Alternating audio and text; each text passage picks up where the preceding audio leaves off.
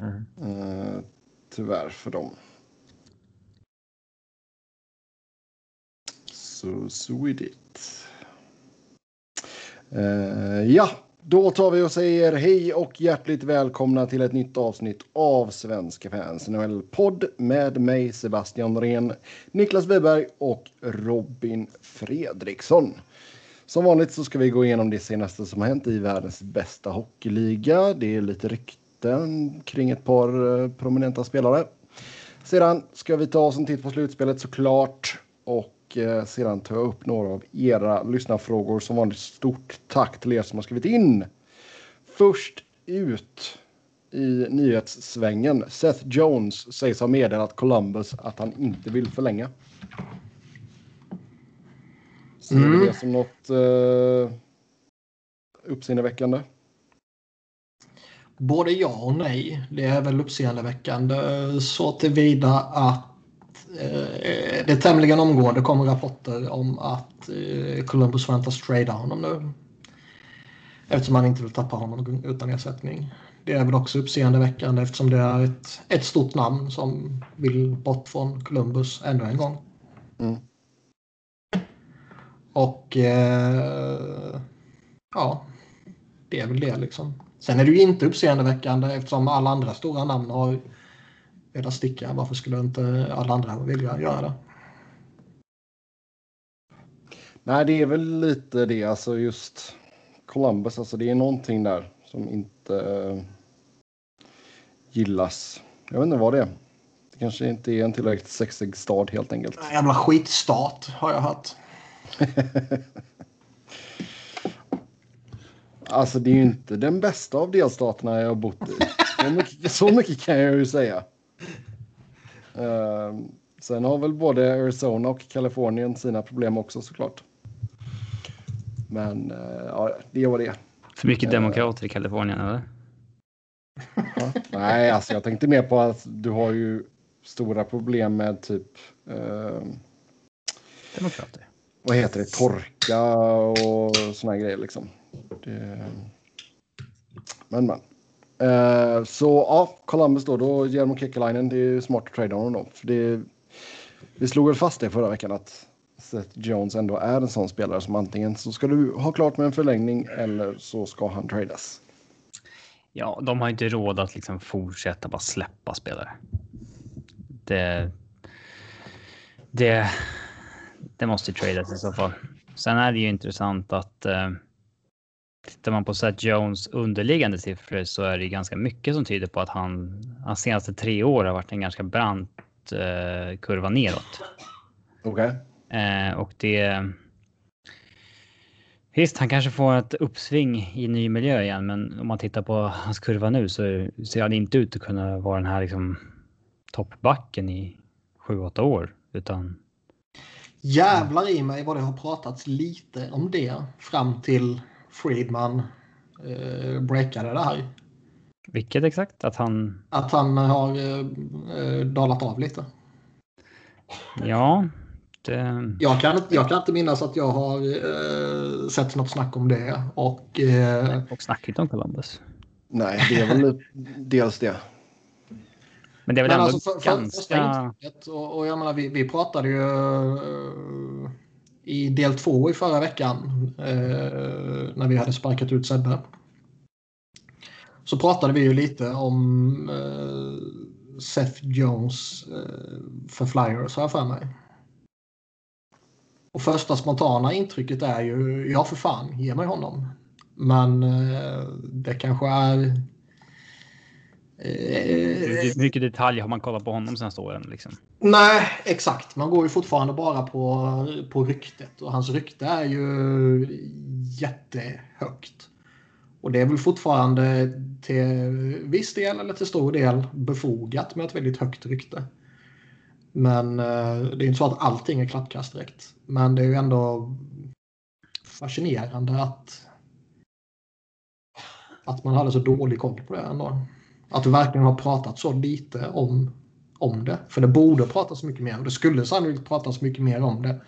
Om han skulle spela till ett riktigt eh, hockeylag i en riktig marknad. Ja, alltså speciellt nu med tanke på hans kontraktsituation också. Kanske Det- är bra att trade honom oavsett då liksom. Än Mm. att gå in i det här 7-8 års kontraktet som han förmodligen vill ha. Eh, Ja, antagligen. Jag menar, liksom, han har ju suttit på en väldigt eh, fördelaktig cap hit för Blue Jacket också. 5,4 miljoner liksom, för den spelaren han har varit. Har ju inte så varit ett fynd för dem. Oh ja. Så eh, mm, ja, det är intressant. Alltså jag Jag kan både... Alltså kan spontant en bra eh, artikel från The Athletic som Charlie O'Connor skrev. Han, det är givetvis med lite flyers ögon men det är ju intressant även i största allmänhet. Eh, Det finns också en bra eh, genomgång på Broad Street Hockey. Där Mm. de eh, har satt den fina rubriken Seth Jones defends the blue line like Andrew McDonald. Oj. Det är eh, avskräckande. Jo, det kan jag förstå ifall man får lite dåliga vibbar då som Flyers-supporter.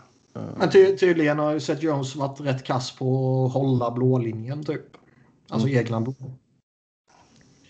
Och eh, det har ju varit Flyers stora problem och det var eh, Matt Niskanens eh, st- kanske största tillgång. Att han var jävligt bra på det. Eh, Jo, men alltså det, det var väl där... lite där på Broad Street Hockey. Så har man inget abonnemang på The Athletic eller om man inte snyltar på någon annan så kan man läsa på broadstreethockey.com. Eh, Det kändes Ja. väl ändå sådär kring 17-18. Ja, för vad hade han då? Uh, ska vi se, 16 baljer och 57 poäng liksom. ja. Det var väl där man verkligen, den stora Det- massan fick upp ögonen för honom ändå. Men frågan är om han... Att det utbudet han skulle få i en trade, om det fortfarande är liksom groteskt stort. Eller om det är så att det är för många lag som har liksom bra koll på underliggande siffror nu för tiden för att det ska eh, för att det ska ske. Att man får den där Kings ransom för honom. Men jag tror nog ändå att det kommer ske. För att Ja, du får hitta rätt GM helt enkelt. Ja, alltså han är 26 år och jag tror fortfarande att en del GM som litar mer på sin känsla än vad liksom The Computer Boys säger. Eh, Han är ju fortfarande bra. ja. Eh, ja, absolut. Liksom. Men vad sa vi? Jim Benning var det som skulle vara aggressiv va? Eh, ja. Var kul den här memen på Kyle Dubas eh, som gjordes när ja, den här situationen när Tavares blir skadad och Kyle Dubas tar upp telefonen, ringer och liksom springer ut från läktaren. Att det var någon som skrev så här NHL GMs when they hear Jim Benning is gonna be aggressive. Kyle Dubas Ja. telefon upp, springer. Ja. Men han, han, Men alltså- han har ju fått orimligt mycket skit de senaste dagarna känns det ju som. Dubas? Nej, han har inte fått orimligt mycket skit. Seth Jones. Har han? Verkligen? Jag tycker ju verkligen att vissa rubriker får honom och, och liksom vissa hot takes får honom att framstå som skräp. Det är han ju verkligen inte. Inte. Men han kanske inte är någon sån här perennial Norris-back som han var för typ tre år sedan. Nej, Liksom. jag skulle säga att han, han har ju det ryktet och han har väl det anseendet att han är en, eh, en sån toppback som han går för. Men det är han kanske inte. Han kanske mer är... eh, Ja, om man tittar på siffrorna lite mer noggrant och studerar dem så kanske han mer är eh, någon som kan komplettera en sån back. Ja. Själv har man ju lärt sig ganska, eller själv har man ju blivit så. Eh, vi har haft så många liksom bevis senaste åren där underliggande siffrorna får rätt och, och så vidare om spelare att Mm. man har ju ganska svårt att se att Seth Jones skulle liksom att hans siffror skulle eh, dala i 25-26 års ålder för att sen gå och bli någon Norrisback igen vid 29. Jo. Frågan är ju... De exemplen har vi inte Men riktigt alltså, sett. nej, nej, Vem klart inte. Men jag det menar, det, det handlar väl om att få in rätt partner bredvid honom och rätt, och, ge- och rätt spelsystem. Liksom. Den enda Mm. som har liksom stått emot eh, att han skrevs ner och så mycket, det var väl. Det var väl Shea Webber liksom. Som i, vid tidpunkten av traden till Montreal ansågs vara en klart sämre back än, än Subban. Men har eh, han ändå liksom lyckats hålla sig på den nivån han var då. Ja, han har åldrats jättefint. eh, mer medans.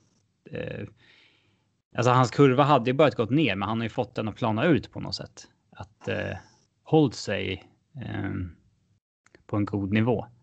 Mm. Lite svagare säsong i år kanske, men eh, det är väl naturligt. Eh, Man undrar ju lite kring Jones också. Hur, eh, finns det en Tortorella-faktor? Det kan det nog absolut göra. Jag minns att eh, jag tror att det var James Myrtle som la upp en eh, en så här eh, en bild på Gabriel Landeskog typ så här runt 2017 och visade att hans eh, skottgenererande shots per 60 hade gått ner fem säsonger i rad liksom. Eh, och jag har inte tittat till hur den ser ut nu. Men jag tror att eh, det är nog ändå. Det kan vara att man är i en dålig situation också. Mm. Att man har spelat under dålig coach i ett dåligt system och, och så vidare. Det, Och typ så kan alla i Columbus har ju faktiskt varit dåliga denna säsongen också. Ja, Eh, oh ja. ja, men jag tror att här, Seth Warinsky har väl inte. Hans anseende är väl bättre. Ja, det, är alltså, det är ju grejen med Zach Wierenski, att han har haft väldiga problem med skador. Um, så ja, men jag tycker det, alltså på ett sätt är det inte så bra ifall han säger till dem att ja, jag tänker inte signa liksom. Så lös detta nu liksom. Ja, det ska man Så, göra om man har bestämt sig för det. Sen vill han väl gå nu. Han vill väl inte gå om ett år antar jag. Han vill väl gå nu. Det har ju spekulerats lite redan om att eh, Dubois när han eh, ville bort. Att det, det ryktades om att det måste ligga någonting mer bakom det här. Kan han redan då ha vetat om att Jones inte hade någon ambition att vara kvar? Ja, eventuellt. Ehm, och varför Kanske. vill alla? Varför vill alla lämna Columbus liksom? Det, Ja, det, det pratades lite, jag tror det var Friedman som nämnde det, att det är det liksom ett lite för hårt förhandlingsklimat i Columbus. Sätter de lite för hårt fram, eller lite för hårt motstånd när de förhandlar och så här. Och, de har gett ut så jävla bra kontrakt till. eh, Alltså bra kontrakt ur spelarens perspektiv till ja, otroligt de kanske, är, de kanske är stygga när de gör det. Ja, kanske det. Jag vet inte. Men eh, jag menar det kan ju absolut vara en grej. Mm. Sen tror jag mycket ligger i, i att det är ingen rolig marknad. Nej. Och det är bara att titta på laget. De har ju haft eh, ytterst begränsade framgångar också. Ja.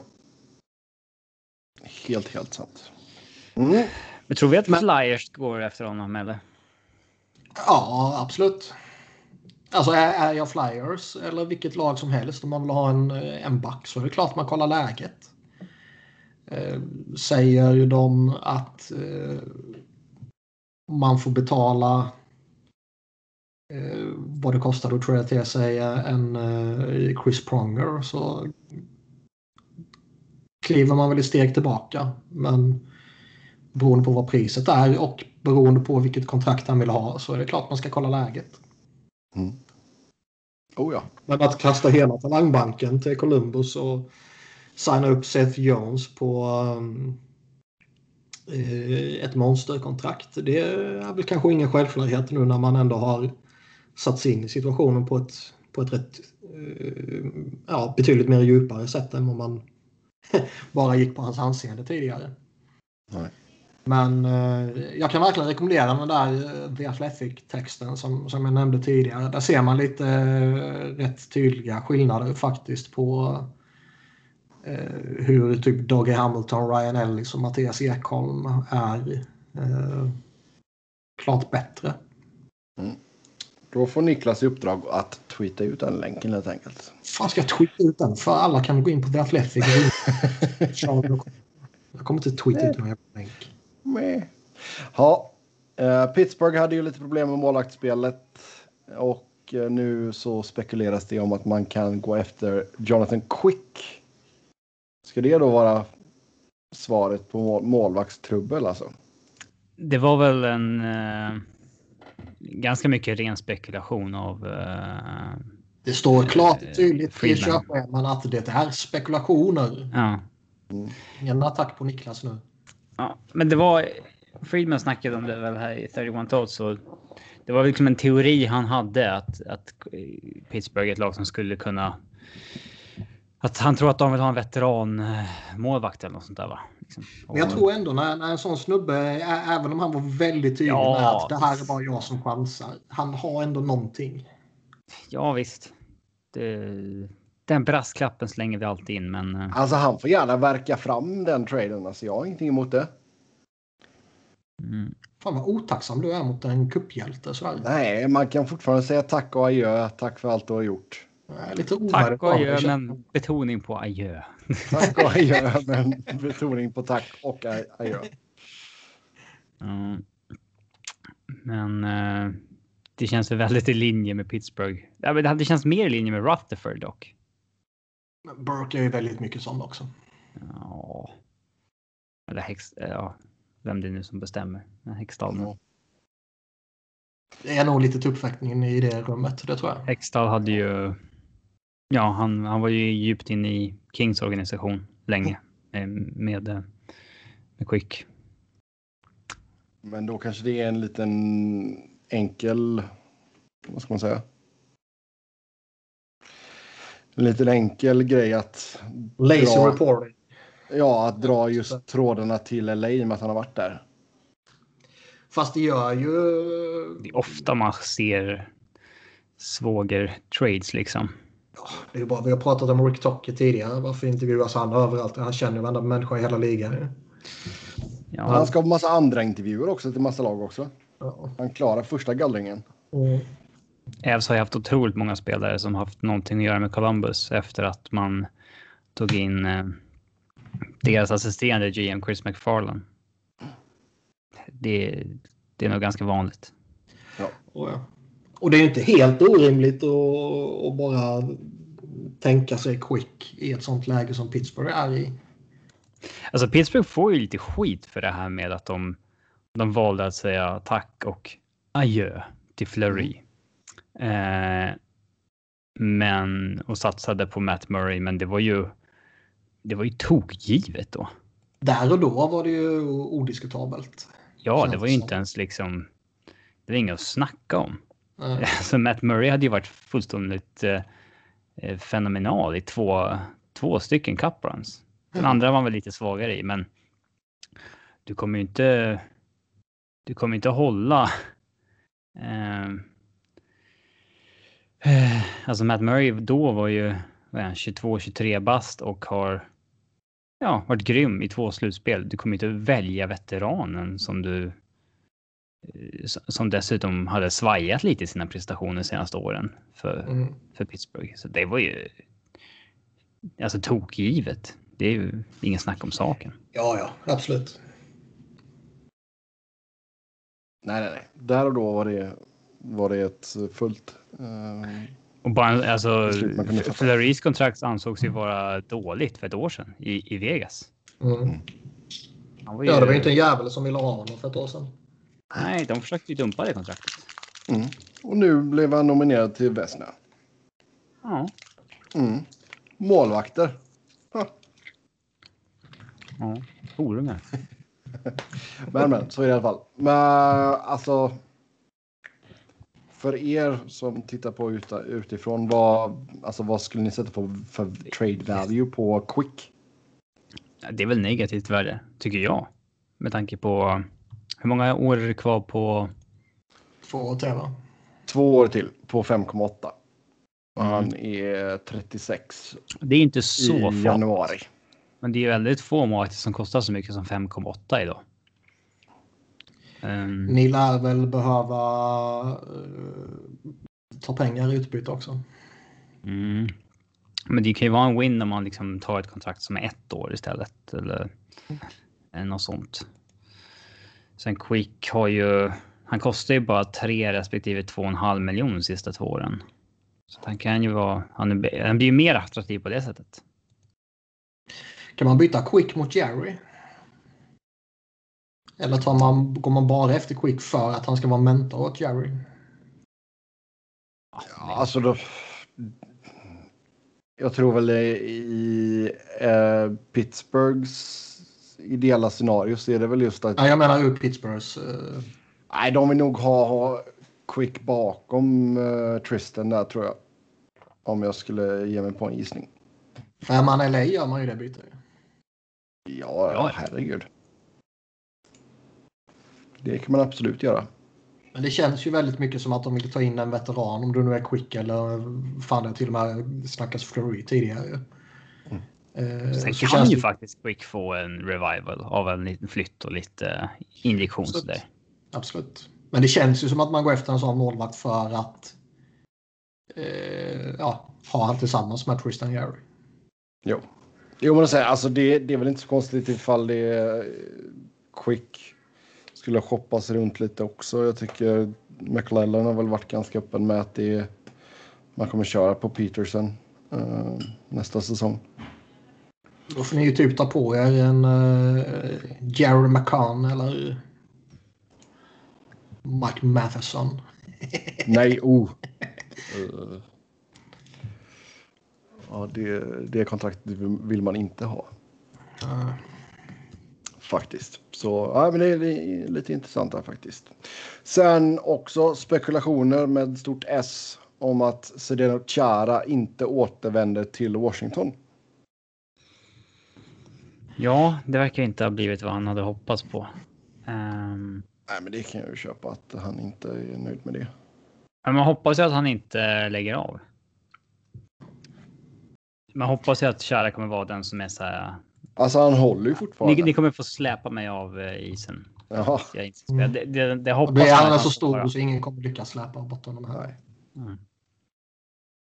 Man tycker man att det var lite coolt att Chris Chelios vägrade ge upp. Att han, nej, jag ska ha ett sista jävla år i Atlanta Thrashers också. Mm. Liksom, det, det, var ju lite coolt. Um, alla måste inte lämna på topp.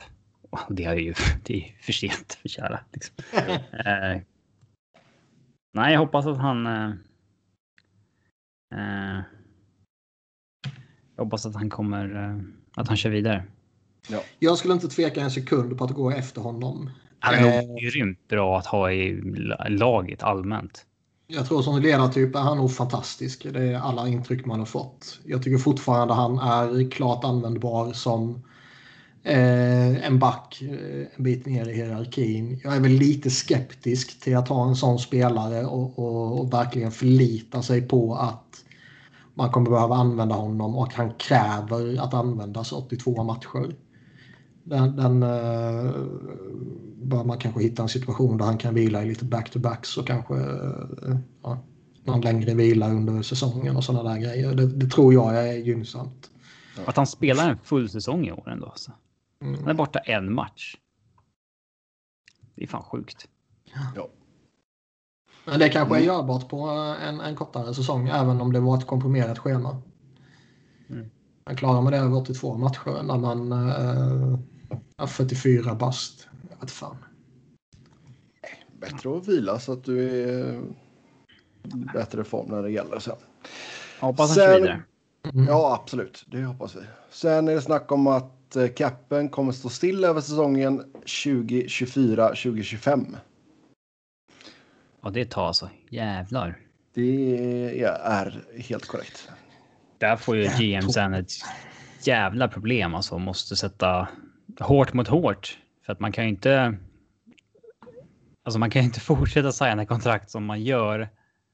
Och så då är vi i en situation om tre år där alla lagen är tryckta mot taket. Mm. Och så är det så här, ja men nu är det tio bra free agents men inget lag har en dollar i löneutrymme. De, De får dra till KL allihop. Kommer åtta var det vet du. Hallå! men antingen måste, alltså ska det vara så, så antingen måste de ju slänga upp någon Amnesty buyout vid något tillfälle känns det som. Eller så måste man ju trolla lite och se till att taket kan öka ändå. Ja, om alla klubbar röstar för det på något sätt eller någonting för att få flexibilitet. Det, det är väl... Eh, det går väl inte att genomföra någon så här uh, förändring kring hur lönetaket ska fungera. Du vet, vi har ju pratat om hard cap och soft cap och så ja. Det går ju inte att göra on the fly för det är ju liksom djupt i CBA. Um... Ja, exakt. Men med, hamnar verkligen alla i skiten, då måste man ju kunna skaka fram någon jävla nödlösning tycker man. Som är provisorisk typ. Mm. Ja, men en Amnesty buyout eller två per lag, det hade ju inte varit helt fel. Mm. Faktiskt. För det... Hellre att man gör det och att man kan göra hockeytrades än att det är liksom... Den här spelaren kommer aldrig spela igen, men vi tradar hans kontrakt. Det, de är så jäkla trökiga. Uh, jag, jag tycker väl att den delen kan... Uh... Alltså reglerna är ju vad de är, så jag fattar ju att det används liksom. Men jag tycker ändå det är ganska tråkigt. Ja, jag kan tycka det adderar någonting också att du eh, kan behöva betala för att bli av med ett jobbigt kontrakt liksom. Men eh, det, det, kan ju genuint bli så att vi har liksom att alla lag eh, blir upp mot taket. Mm. För alla har ju liksom rookie som förväntar sig höjningar inom ett par år och, och capen måste ju växa organiskt annars så eh, annars så går allt åt helvete. Eh, så att, eh, jag, jag, skulle bli förvånad om capen låg flat, eh, flat. Så, flat cap. Ja, platt eller flat mm. cap eh, så många år faktiskt. Jag, jag, tror inte det kommer ske. Nej, det, det känns som att någonting kommer hända. Det kanske bara är worst case scenario som har kommit fram här. Jo. Ja, alltså vi får ju se lite hur det blir nästa säsong. För jag menar, nu är det ju inte så många amerikanska arenor i alla fall där de kommer öppna upp helt. Så publiken bör ju vara tillbaka, så då har du ju en stor inkomstkälla där. Ja, men det har han väl räknat med redan nu, tänker jag. Antagligen. Lagt den här analysen. Ja. Sen draftlotteriet. Det var extremt osexigt. Det var bara Seattle som uh, fick byta plats med Anaheim. Buffalo väljer detta. Seattle och samtidigt var ju folk skitförbannade förra året när ett lag som var något mer vann. Så det blir ja. så här, folk är inte nöjda hur den blir. Nej, nej, nej. så att, det... Men det är ju alltid riggat. Ja, visst. Det, det verkar ju vara det som folk är överens om i alla fall. Ja, och det är väl lite tramsigt att hävda varje gång, för det, det är ju liksom inte. Men. Uh, inte varje gång. Uh, alltså. Det var ju inte så spännande i år eftersom uh, dels så var det väldigt tråkiga lag inblandade i botten. Det var ju ingen jätte som hade fallit på något sätt. eller typ som. För min del var det kul när Avs var med med Ottawas val. Och man visste redan att Avs har ett bra lag och så får man, kommer man eventuellt få drafta svinhögt igen. Mm. Eh, den aspekten. Eh, men den största aspekten till att det var väldigt eh,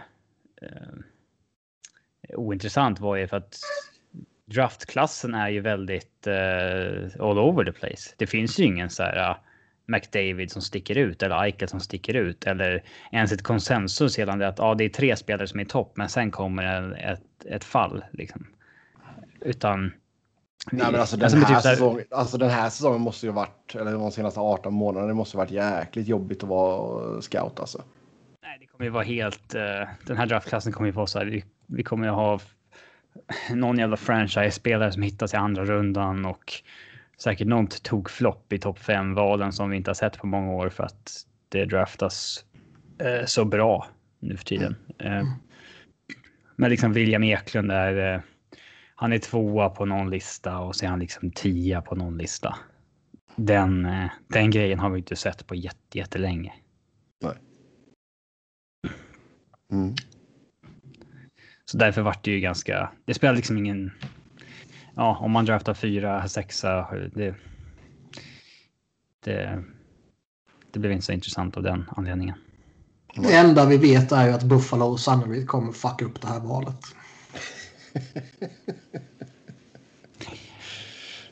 De kan ju inte gnälla över att de inte får alltså att de draftar etta ett svagt år så att säga. För Nej, nej, nej. de har ju draftat Dahlin och Eichel och... Alltså. Ja.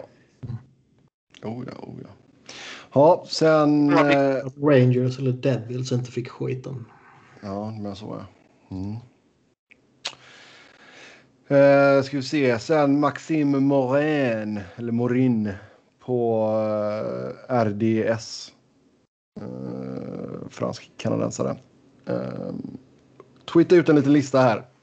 Av de 17 bäst betalda spelarna i ligan så är det bara en som spelar i andra rundan nu i slutspelet och det är Carey Price.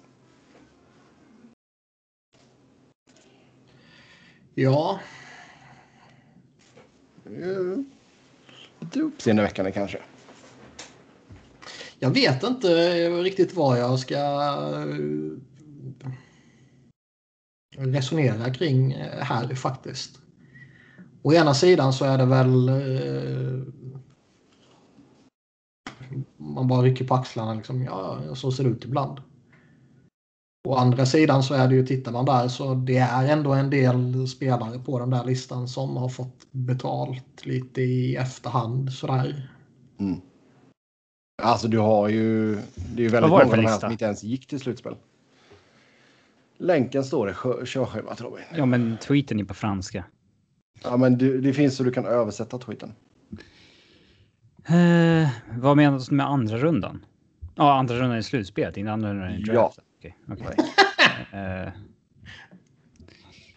Alla de här draftades i andra rundan. och det är en ranking på högst lön eller högst capita. Cap är det väl tror jag. Cap. Mm. Ja, de snackade om det i någon annan podd också om att det var första gången nu när Montreal gick till andra rundan som ett lag med en spelare över 10 miljoner dollar går till andra rundan. Det har inte skett någon gång tidigare. Eh, Det var några som sa att det var första gången de vann en slutspelsserie men det stämmer ju inte eftersom uh, play-in räknas som det. Ja. Mm. Men går till riktiga andra rundan uh, stämmer väl då? Men det är lite obildat det här snacket om att eh, liksom. Eh, du kan inte vinna med spelare med över 10 miljoner dollar och inget lag med 10 miljoner dollar på en spelare har gått långt. Och, eh, det har de ju visst det. Det är bara att vi, vi, får, vi får ju räkna på procent de äter upp av lönetaket. Vi kan ju inte räkna på en bara på siffran när liksom capen har ökat med 30 miljoner på eh, 10 år. Nej.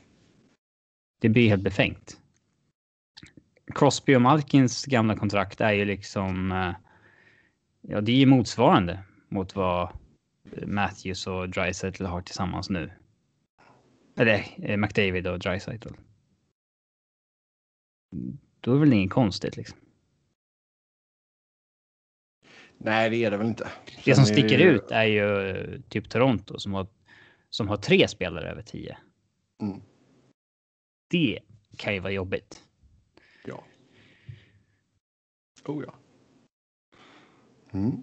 Men det var den Men det är också en upp, det är- alltså det är också så att den här listan, ja, det är ju spelare som har fått betalt i efterhand och du ska inte betala spelare retroaktivt. Men det är väl svårt att låta bli kanske. Jag tror inte man har ett jobb särskilt länge om man inte betalar spelare retroaktivt. Man får ju säkert ju massa skit internt om man inte. Jag menar, vad hade hänt med den gruppen i Chicago om de inte hade behållit Seabrook? Jag vet inte fan. Hade det? Chicago hade ju mått bättre tror jag, men. Man hade nog mött på jävligt stort motstånd där och då. Jo, ja. Det var ju bara allt snack kring... Eh, men fan var det? Crawford var det va? Mm. Ska ju ratta upp känslorna rejält där. Det är Mm. nog ett, eh, ett lite svårt spel att spela ändå. Ja, man får inte vara helt känslokall, liksom robot-GM heller och bara. Du måste ändå bygga någon form av lojal core också med mänskliga värden på det sättet och inte bara titta på produktion och ålder och, och så vidare. Eh, och sen så är det ju en del spelare som. Eh, vi har ju säkert haft fel också och trott att vissa spelare har fått betalt för sent. Sen så visar sig hålla jättebra ändå. Mm. Jag menar, eh, Brad Marchands kontrakt ansåg ju många var så här shit, det är ju väldigt långt för en spelare som inte har presterat så många poäng än. Två år senare så anses det typ vara bästa kontraktet i ligan. Det, vi är inte helt eh, felfria i vår analys heller. Tala för dig själv. Nej, men alltså sen är det ju sådana som har alltså jag tycker Drew Doughty är ju ett bra exempel på en sån som har fått betalt i efterhand liksom. Ja, och där Inte visste ju alla in- om det då också. Inte för att han satt på någon dåligt kontrakt innan. Jag menar, han hade inte så 7 miljoner i capita innan liksom. Ja, fast det var ju lågt sett till. Eh, eh, ja, sett till vad han hade gjort. Så det, Ja, lite lågt var det, men han var ju alltså 11. Liksom, och det kickade in förra säsongen liksom. Det, det är dyrt. Mm. Sign-on-bonus på 10 mille också första året. Det är inte helt fel. Kan man köpa sig en vattenskoter eller två. Eller en snöskoter. Eller en snöskoter. Helt sant. Kör man bara tillräckligt fort så går den på vatten också. Mm. Sen vill vi säga någonting om VM. Kvartsfinalerna spelades ju idag.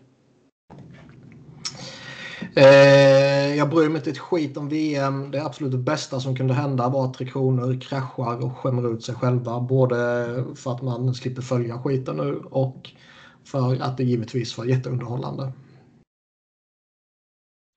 Det är också väldigt talande för allting som har med förbundet och Tre Kronor att göra. Att det eh, verkar vara tämligen självklart att Garpen bara ska fortsätta sådär det måste vara det mest största. Tre Kronor har ju aldrig missat slutspel i VM förut. Nej. Eh, tidigare så spelade man inte slutspel utan man spelade i en rak serie bara. Så den är ju, det är svårt att jämföra med. Mm. Men eh, Men i modern tid sedan det infördes så är ju det här det största fiaskot. ja, eh, absolut. Man har ju torskat mot skit också. Man har ju inte torskat mot att ja, ryssarna kom med sina stjärnor. Men svenskarna dök inte upp. Alltså så, så där har det ju inte varit. Nej, nej. Även om eh, det är klart att Sverige kommer med ett svagt lag, men eh, de ska prestera så jävla mycket bättre med tanke på vad de ändå har på pappret. Ja. Eh, jag tycker ändå att kommer man från en historisk usel prestation med en förbundskapten som aldrig borde vara förbundskapten till att börja med och som dessutom har ett CV som är helt uselt. Han ska inte sitta kvar. Har han någon självinsikt ska han ju avgå på egen hand. Men det är väl Det finns ju ingen som gör det. alla som gör det givetvis. Men förbundet ska givetvis eh, plocka bort honom. Det går inte att hålla på på det sättet. Han kan ju inte... Eh, de spelar ju som skit. Han kan inte matchcoacha. Han kan inte hantera matcherna. Han kan inte... Han verkar inte veta vad timeout är. Han verkar inte veta hur det funkar att plocka målvakten. Alltså de mest banala grejerna får han ju fel flera gånger om i de här sju matcherna. Det är högst anmärkningsvärt tycker jag. Oh, ja. Och skulle det här ändå vara någon som kommer med ett CV som indikerar på att den här snubben han har fått resultat där och där och där. Han har gott anseende. Han har eh, eh, varit huvudtränare på flera olika ställen. Och sen kommer man in i den här turneringen med allt vad det innebär. Och så bara kraschar man. Ja, då kanske man kan tycka att nej, det här var sjuka omständigheter. Vi ger honom ett försök till. Men nu, nej. Han ska ju på det givetvis. ja. Semifinalerna som vi har det är USA mot Kanada och Finland mot Tyskland. Så så är det med det i alla fall. Ja, jag hoppas Eh. Tyskland vinner, det vore skoj. Ja, visst. Då tar vi eh, tävling. Det här, alltså att det här ens står med i lyssnarfrågorna, det här är ingen fråga. Bättre kvalitet, kvalitet på tävlingarna. Sebbes EP-tävlingar på uppstuds höll sämre klass än hockey-VM. Ouch. Ehm, Det är sant. men nu har jag fått in eh, lite, jag har fått lite hjälp här av Anton den här veckan. Så jag har en EP-spelare som ni ska få gissa på här nu. Vem är Anton i det här fallet? Anton Berg, han har skrivit in eh, några gånger förut. Det är Eh, inte så 10 att vi var poäng. First name basis med. Det är vi bara med Emil. AB, Max. AB har skrivit in. Eh, ja. Max, Emil eller Max och Emil? och Ja. Ja. Vad var det för tävling eller sportquiz du hade lämnat walkover till här nu Niklas? Ja, nej, bara uh, vanligt skitsnack en kväll. Istället för att man eh, kan gå på krogen numera så eh, på en after work så får man ju göra saker digitalt. Ja, okej, okej. Ja, ja. Ha, 10 poäng. Kanadensare draftad av Montreal 1983. Avslutade karriären 2008-2009 i San Jose. Kanadick Eh. draftad av Montreal 82 sa du? 83. 83. Du har sån han född 65 eller någonting. Avslutar 44 år gammal i San Jose. Det måste vara Claude Lemieux.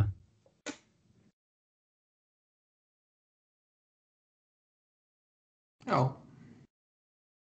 Fatta vad konstigt det var. Det hade ju aldrig någonsin hänt idag att någon bara tar uppehåll i tre år eller fyra eller fem eller vad det var. Och sen bara ska komma in och vara någon form av faktor i slutspelet för ett topptippat lag. 8 poäng. Spelat fjärde fl- mest slu- slutspelsmatch genom tiderna, 234 stycken. I grundserien blev det 1215 matcher. 6 poäng, vunnit en Conn Smythe, fyra Stanley Cup, ett JVM och en Canada Cup. Claude Lemieux. 4 poäng. Förutom Montreal och Sharks blev det spel i Devils, Colorado, Phoenix och Dallas. Spelade inte hockey från säsongen 04-05 till säsongen 07-08 innan karriären avslutades med två matcher i Kina, 23 i AHL och 18 i Sharks. Tredje mest utvisad i playoff genom tiderna, sonen Brendan spelade i Kings. Claude Lemieux. Det gjorde jag bra. Den riktiga Claude, skriver Anton också. Va? Ja. Shots fired. Mm. Ja, vi slaktade den. ändå hans, eh, hans tävling. Mm. Ja, det gjorde ni bra. Då tar vi och hoppar över till slutspelet. Andra rundan är igång. Vi börjar med Carolina och Tampa Bay. Där Tampa Bay leder med 2-0 i matcher. Efter att ha vunnit de två första matcherna med 2-1. Ja, det kan inte vara kul att möta Tampa alltså. Även när man får på en riktigt bra överlägsen prestation som Carolina får i match två. Mm. Då stöter man liksom på patrull i Vasilevski som är tokhet i slutspelet. Det räcker inte med att, alltså normalt sett så dominerar ju Tampa matcherna.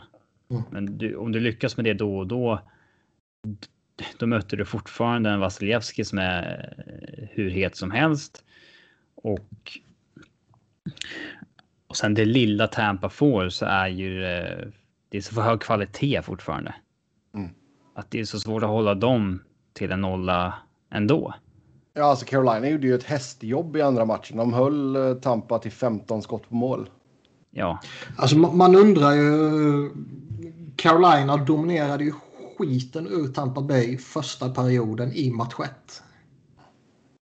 Eh, fick inte med sig ett skit ifrån den perioden. Men liksom om man bara tittar till dominansen så borde man ju fått med sig kanske en tvåmålsledning efter en period faktiskt. Mm. Man undrar ju lite vad den här matchserien skulle eh, tagit vägen om den perioden skulle gått annorlunda. Mm. Eh, vi fick ju nyheter också idag om att eh, Peter Merasek kommer och eh, starta match tre här som sätter igång om några timmar när vi spelar in detta. det Gör känns man lite, inga mål så måste man byta målvakt. det känns lite des, desperation move faktiskt. Jag, jag tror inte att det, det är en bra grej. Nej. Alltså det är ju... Ned har ju varit bra i här slutspelet och att börja jerka runt det tror jag inte är en... Eh, ja, det känns som att eh, Brenda Moore vill göra någonting, känner att det är det han kan göra. Men det bästa hade kanske varit att inte göra så mycket alls och lita på att om vi, om vi dominerar en match till, då bör vi ta hem den. Mm. Det känns väl kanske lite som eh, Vegas höll ju på att hatta lite fram och tillbaka förra året. Men det kanske är mer rimligt att göra det när man har Flurry och Lener. Mm. Och Ja, alltså nu... lite, betta lite på att någon av dem kommer, kommer träffa rätt. Men betta på Mrazek känns ju... Nu kommer han säkert vara skitbra att hålla nollan den här jävla matchen. Men, men det känns ju ändå historiskt sett är de-. De på ganska samma nivå ändå, eller? Mrazek och Ned. Ja, men det känns ju ändå som att eh, jag, jag kan ju inte... Han har ju slä, han har släppt något, något mål för enkelt ju. Men jag skulle Match inte 1 så avgör han med en dålig... Ja. Men, men jag skulle ändå inte hänga honom för det här. Nej, nej. Och jag tycker ändå han har varit så pass bra eh, över tid ändå. Att jag hellre skulle betta på att behålla honom. Eftersom han inte har kraschat. Skulle han fullkomligt kraschat i match två. Då kanske man kan Ja. göra det. Och- Ja, alltså om de hade släppt in fem... Alltså, eh, hade de torskat 5-0 liksom. Ja, Och, men trots att de egentligen är det bättre laget så ja, då kanske. Men nej, nu tycker jag att det är konstigt. Uh, vissa Marasek, frågetecken. Blir den femte målvakten som Tampa har mött på nio slutspelsmatcher. Sådär, ja. Mm. Eh, vissa frågetecken kring Vincent Trocek också. Ifall han kommer till spel eller inte. Eh, det verkar vara lite frågetecken på honom. Det verkar eh, som att eh, Niederreiter kommer vara borta en tid också. Och, Ja, där sa väl Brendan Moore att han förväntade sig att han skulle vara borta hela serien va? ja, typ något sånt. Och jag menar, börjar man plocka ett par sådana spelare från Keynes så tunnas det ut rätt fort. Även om deras lag är, är bra och sådär så eh, Tampa kan hantera det där på ett annat sätt än vad Keynes kan. Oh ja. Mm. Stark fördel Tampa där efter att ha vunnit de två första matcherna på borta is. Stark fördel efter 2-0. Jag samtycker. Ja. Jämnt är det mellan Islanders och Bruins. 1-1 matcher. Boston vann första matchen 5-2. Sen vann Islanders match 2 på övertid. 4-3 blev slutresultatet där. Och match 3 här sätter igång om drygt en och en halv timme när vi spelar in detta. Jag har inte sett ett skit av det här. Jag kommer inte se ett skit av det här. Det är ingen sund människa att titta frivilligt på Islanders.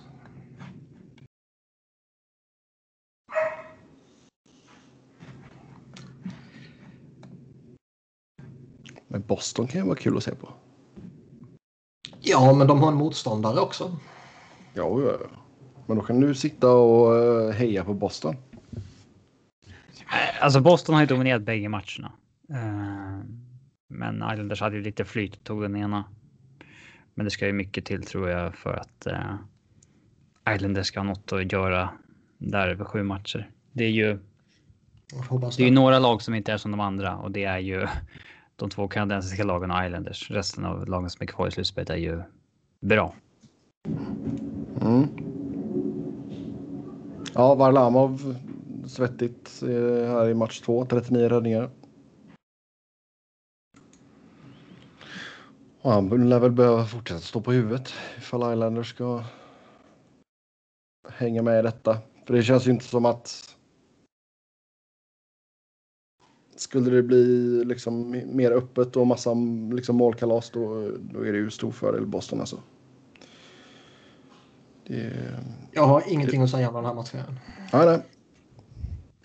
Du kan försöka mjölka det, men jag kommer inte ha något att säga. Boston borde ta den i max sex matcher. Ja. Mm. Sen över till Colorado mot Vegas. Avs leder med 2-0 matcher. Det blev stor pisk i första matchen, 7-1 till Colorado. Och sen i andra matchen lite jämnare. Colorado vann med 3-2 i övertid. Mikko Rantanen med målet där. Den där första matchen är ändå en jävla statement win. Är det någon av er som sitter i en vindtunnel eller någonting? Det. Nej, det är grannen som startar upp sin truck. Truck. Det låter inte alls som något sånt. Vänta, jag försöker lyssna. En bra podcast när de tre som Ja. medverkar i podcasten försöker sitta och lyssna. Ja, jag vet inte fan vad det var. Nej, jag trodde det var hans truck, men det var det nog inte. Ehm, ja, alltså det är ju två, det är två matcher med lite olika ansikten kan man ju säga. Den första är ju. Den är inte representativ för hur serien kommer se ut, utan Ävs har vilat en vecka och eh, Vegas flyger in direkt från sin match 7 och eh, blir ju. Ja, de blir blåsta av banan då liksom och sen har ju Ävs eh, lite stolpe in att eh, det är ju sällan man förtjänar att göra sju mål. Man kan ju, har man en dominant insats har man ju förtjänat 4-5, men man eh, får in sju. Men det som var snackisen här var väl allt stök som skedde i tredje och så Innan vi går in på det. Mm. Ja, det är åskoväder är det. eh, snacket inför var ju målvaktsbytet. Mm. Ja, Lena ja. Och där Ja. var ju De Boer, eh, liksom, han var ju bara, nej men jag vill hålla bägge målvakterna fräscha och Fleury behöver vila och bla bla. Och Lena är ju, man kan inte lasta honom för alla målen, men han gör ju några ingripanden som ändå eh, indikerar på att han var lite rostig. Föga förvånande. Ja, sen var han ju inte ens ombytt för match två och sen idag så sa De Boer bara att han var day to day. Mm. Och det var ju lite när det började blöda sen där så eh, blir det ju alltid snack om att eh, han får ta den här för laget eller han får ta den här för Fleury som måste sitta och vila. Ja. Ja, om man bestämmer sig för att vila Fleury, då, då jänkar man inte ut eh, Lener efter Speciellt Nej, inte när det rinner iväg så snabbt. Nej, Utan exakt. det, det borde inse att matchen är förlorad ganska snabbt. Eh, Mm. Men ska Flurry ens vara på bänken då om man har tänkt att vila honom hela matchen oavsett resultat? Ja, om Lener skadas efter fem minuter så. Mm. Ja, men det är klart han måste vara. Ja. Plus att de vill nog ha honom runt laget. Han är väl deras ledare liksom. Och det, Mm. Men som sagt, mycket jämnare i match två. Där, eh, ja, vi ska nog inte lämna match ett på en gång då kanske, men. Eh, eh, lite mer. Jag tänkte du får inte gotta, du får inte gotta dig för mycket i den. ja, men gå ur vindtunneln Sebbe så kan vi. Men jag kan ju inte, det är åskoväder, vad fan ska jag göra? Det där är inget. Det. Det är inte Jag är ingen, vä- jag är ingen vädergud. Det är inget. Det är inget sånt ljud. Äh, Muta när du inte snackar. Det. Nej, du snackar också ibland. eh, det som händer i början på andra, det är ju att Graves sätter den där eh, ganska höga tacklingen på Janmark. Mm. Och den är väl liksom, eh, den är ju på, på gränsen. Den är, det är ju ingen clear headshot liksom, utan det är ju att sen så hjälper det Nej, inte. vi är i någon eh, gråzon känns det som. Och det, det hjälper ju inte att Graves är en dess högre än Janmark. Nej. Alltså en dess längre än Janmark. Nej. Men han sätter ju ändå tacklingen med eh, majoriteten av kraften genom bröstet så att säga. Men huvudet får sig en naturlig sving liksom. Men eh, Det är ändå naturligt att eh, det blir uppretat efter en sån smäll.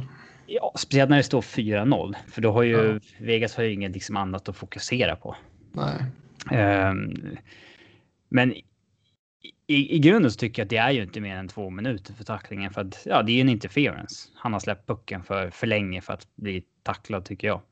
Eh, men ingen så pass tydlig headshot att det borde vara en major. Men det är ju verkligen på Alltså, Alltså, in i den tacklingen, du riskerar ju verkligen mycket. För du kan Oh, ju ja. inte kontrollera att den där träffar helt perfekt.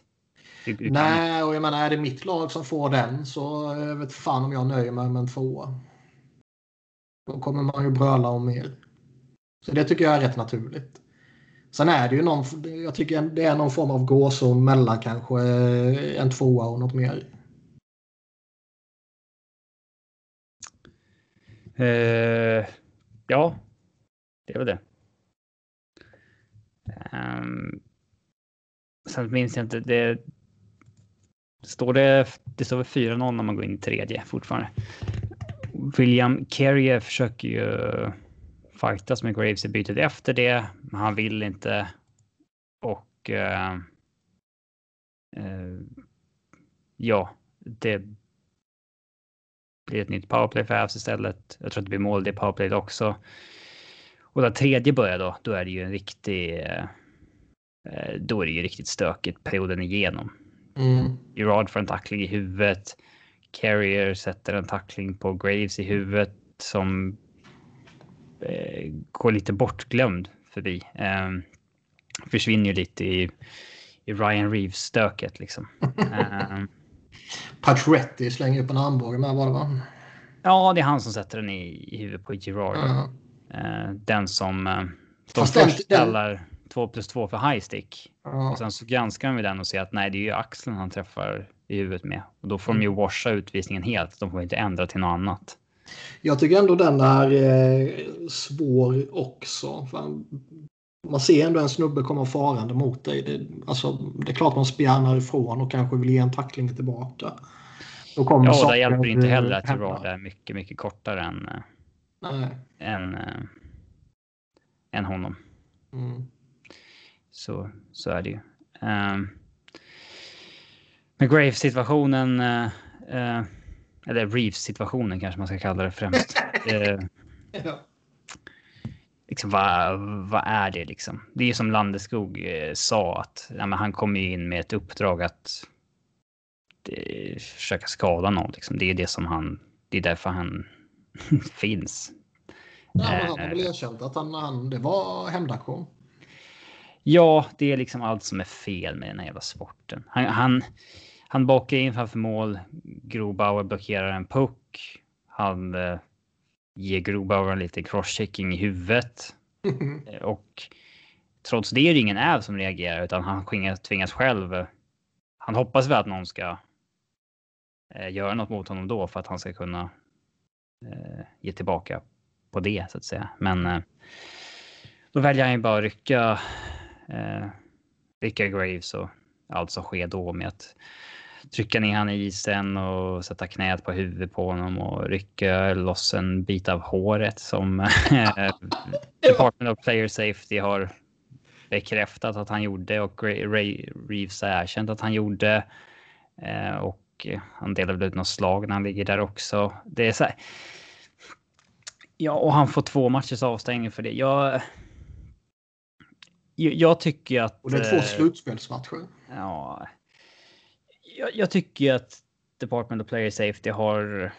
De har ju fått allt om bakfoten. Det är sånt här som ska straffas hårdare tycker jag, för det där har liksom inget med hockeyn att göra. En tackling Mm. kan du alltid hävda. Tack, så länge tacklingar är en del av spelet får vi acceptera att tacklingar kommer träffa fel ibland och träffar det fel så får man ta konsekvenserna. Ja, men en sån där grej har liksom, det har fortfarande, det har ingenting med hockeyn att göra. Det, sånt där ska straffas mycket hårdare tycker jag. Ja, och spelare är ju dumma i huvudet. Det är som jag twittrade ut också. Marchand slickar folk liksom. Hathaway spottar på dem. Tom Wilson dunkar huvud som saknar hjälm i isen. Och Reeves eh, knäar på huvudet och sliter loss folks hår. Och, eh, vissa av dem är fan dumma i huvudet på riktigt.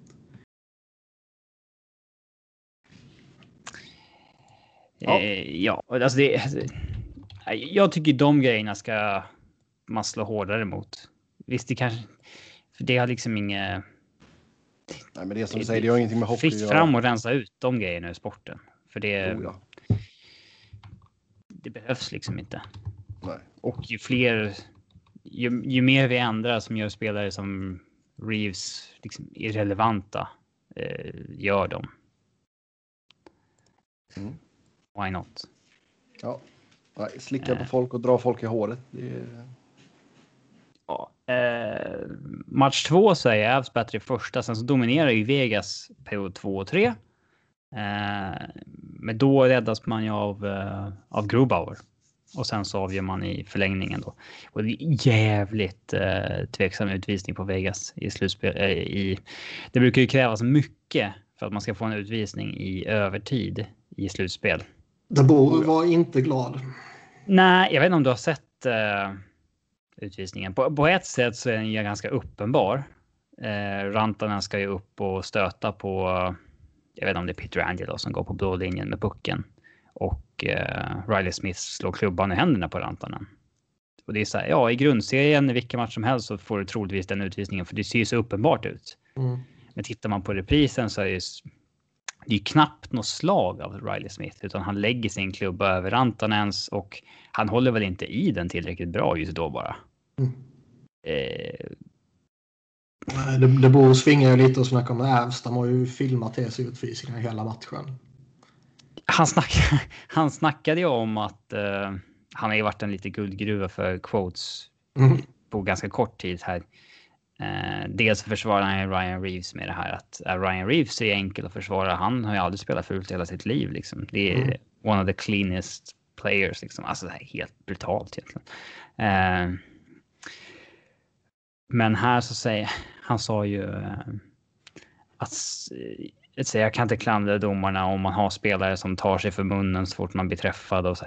Jag vet inte om han syftar på för Landeskog får ju en crosschecking i ansiktet med fem minuter kvar på tredje. Och blir ju då liggande i teckningscirkeln i ett par sekunder och åker då till båset blödande. Men den fick ju inte ens med sig. Jag vet inte om det är den situationen han syftar på, att man försöker dra en utvisning så att säga. Men Mm. det kan jag väl... De hade en lite vad- konstig match, domarna, tycker jag. För Jo. att Avs får ju fyra Till powerplay skillnad i från alla första. andra matcher och alla andra domare.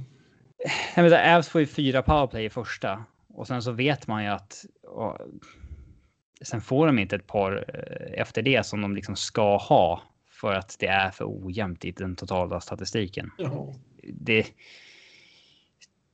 Och ja, man förstår väl att det funkar så, men det blir lite så här parodiskt när. Jag menar, Burakovsky åker så ensam genom mittzon en gång och blir hakad och liksom går omkull. Det är så här, 99 gånger av 100 hookingutvisning, men nej, inte i det läget när man nyss har haft powerplay flera gånger i rad. Ja. Den grejen man är lite trött på, men så funkar det väl. Eh, och det är skit. Men eh, Avs kommer inte kunna dominera varje match, utan de måste ju ha. När man inte gör det så måste man ha en, eh, en Grobauer som som står på huvudet och det gör han och sen så måste du ha att din ja, top talent eh, avgör på det lilla de får. Och eh, Rantanen är ju en av de bättre skyttarna i, eh, i serien. I serien, i ligan. Eh, och det NHL-serien. otroligt, otroligt bra snipe. Så.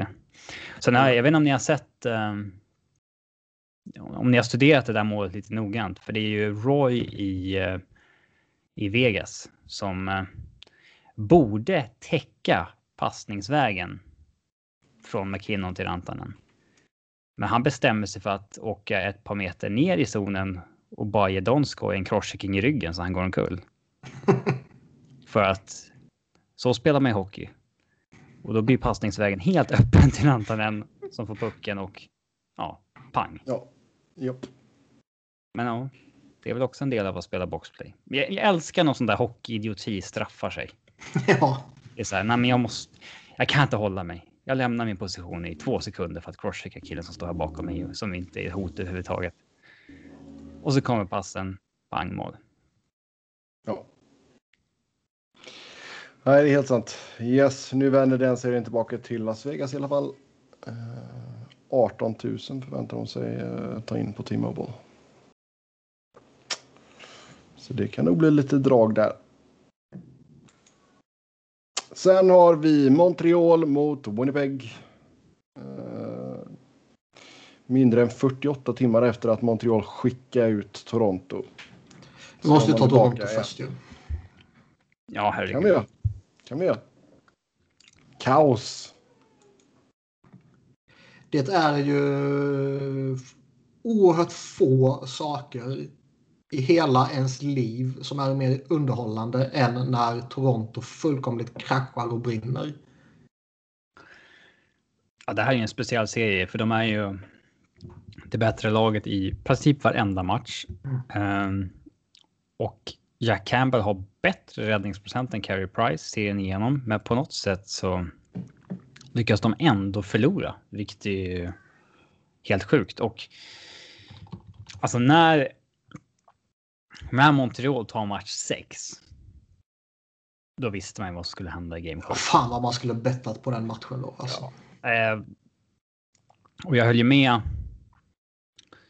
Jag lyssnade på några poddar inför med så här Leafs fans och sånt där och de sa ju att. Eh, det är väldigt. Det, det kunde bara gå på två eh, sätt i Game 7. En, antingen så visar Toronto att de är bättre på riktigt och vinner med 5-0. Eller så blir det en en ny sån här match som går tight och Montreal avgör i slutet. Eh,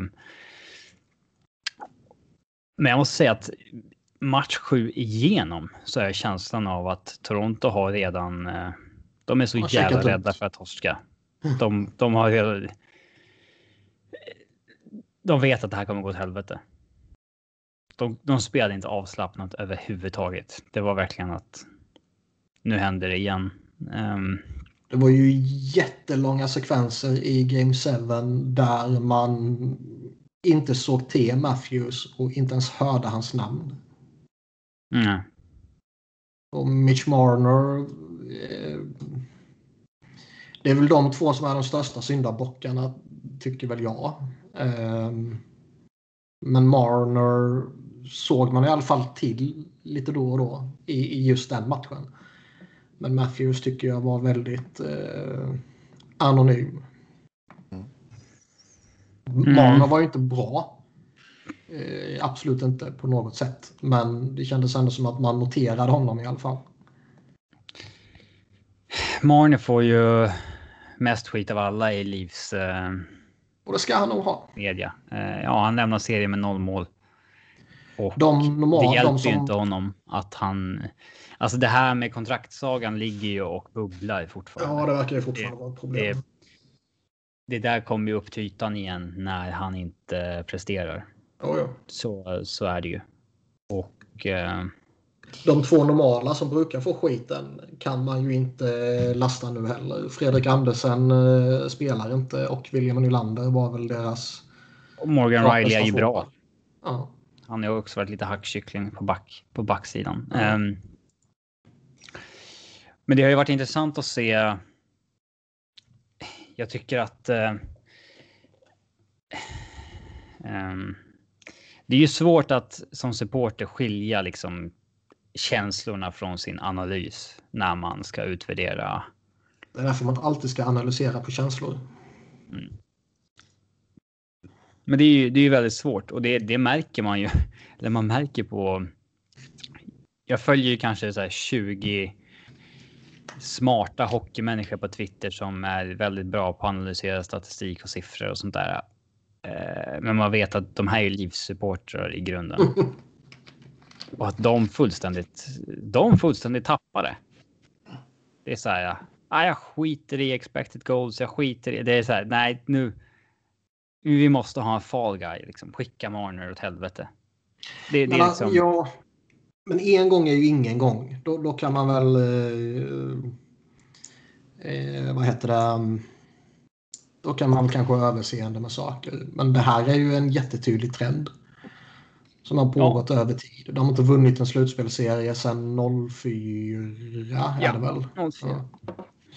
Ja. Vad, där, efter den serien så gick de ju hur många år som helst utan slutspel och det är ju först nu mot slutet som de faktiskt tagit sig till slutspel regelbundet igen. Och eh, kraschar mer eller mindre uppseendeväckande hela tiden. Um, ja, men vadå? Ska, ska de ta beslut? Framtidsbeslut baserat på att de inte vann någon slutspelsserie liksom 2013? Nej, jag säger inte så. Jag menar supportrarnas synvinkel. Ja, de att de eh, har tappat det fullständigt på det här laget, det, det fattar man ju. Men... Ja, det är det jag menar. Sen, sen vad laget ska göra, det... Eh, det känns ju nästan som en garanti att något eller några huvuden kommer rulla. Jag vet inte jag... Alltså, jag skulle nog inte ändra så mycket alls, förutom det som måste ändras för att eh, ta utgående kontrakt på några spelare och lite sånt där. Men... Eh... Jag tror de kommer ha en jättepress på sig att ändra. För, för om de kommer gå tillbaka med samma ledning, samma coacher, i princip samma trupp så kommer eh, klimatet runt laget vara jävligt eh, hostile. Så, så, är, så är det nog. Men eh, alltså, om de ska göra någonting, ja då är det förmodligen Marner som, som ryker. Eh, man hivar inte Tavares, Nylanders kontrakt är för användbart, Matthews är deras bästa spelare. Eh, då är det väl Marner som ryker kanske, men... Jag skulle säga han eller Nylander. Jag kan fortfarande se ett läge där Nylander, även om hans kontrakt är, är en, en väldig tillgång för dem, så eh, kan man ju vända på det också. Hur, hur många lag kan ta in nästan 11 miljoner Marner och hur många kan ta in 7 miljoner Nylander? Alltså, ja, det men, men om de ska göra en trade med Marner. Mm. Ge mig Marner ju, mot Doughty.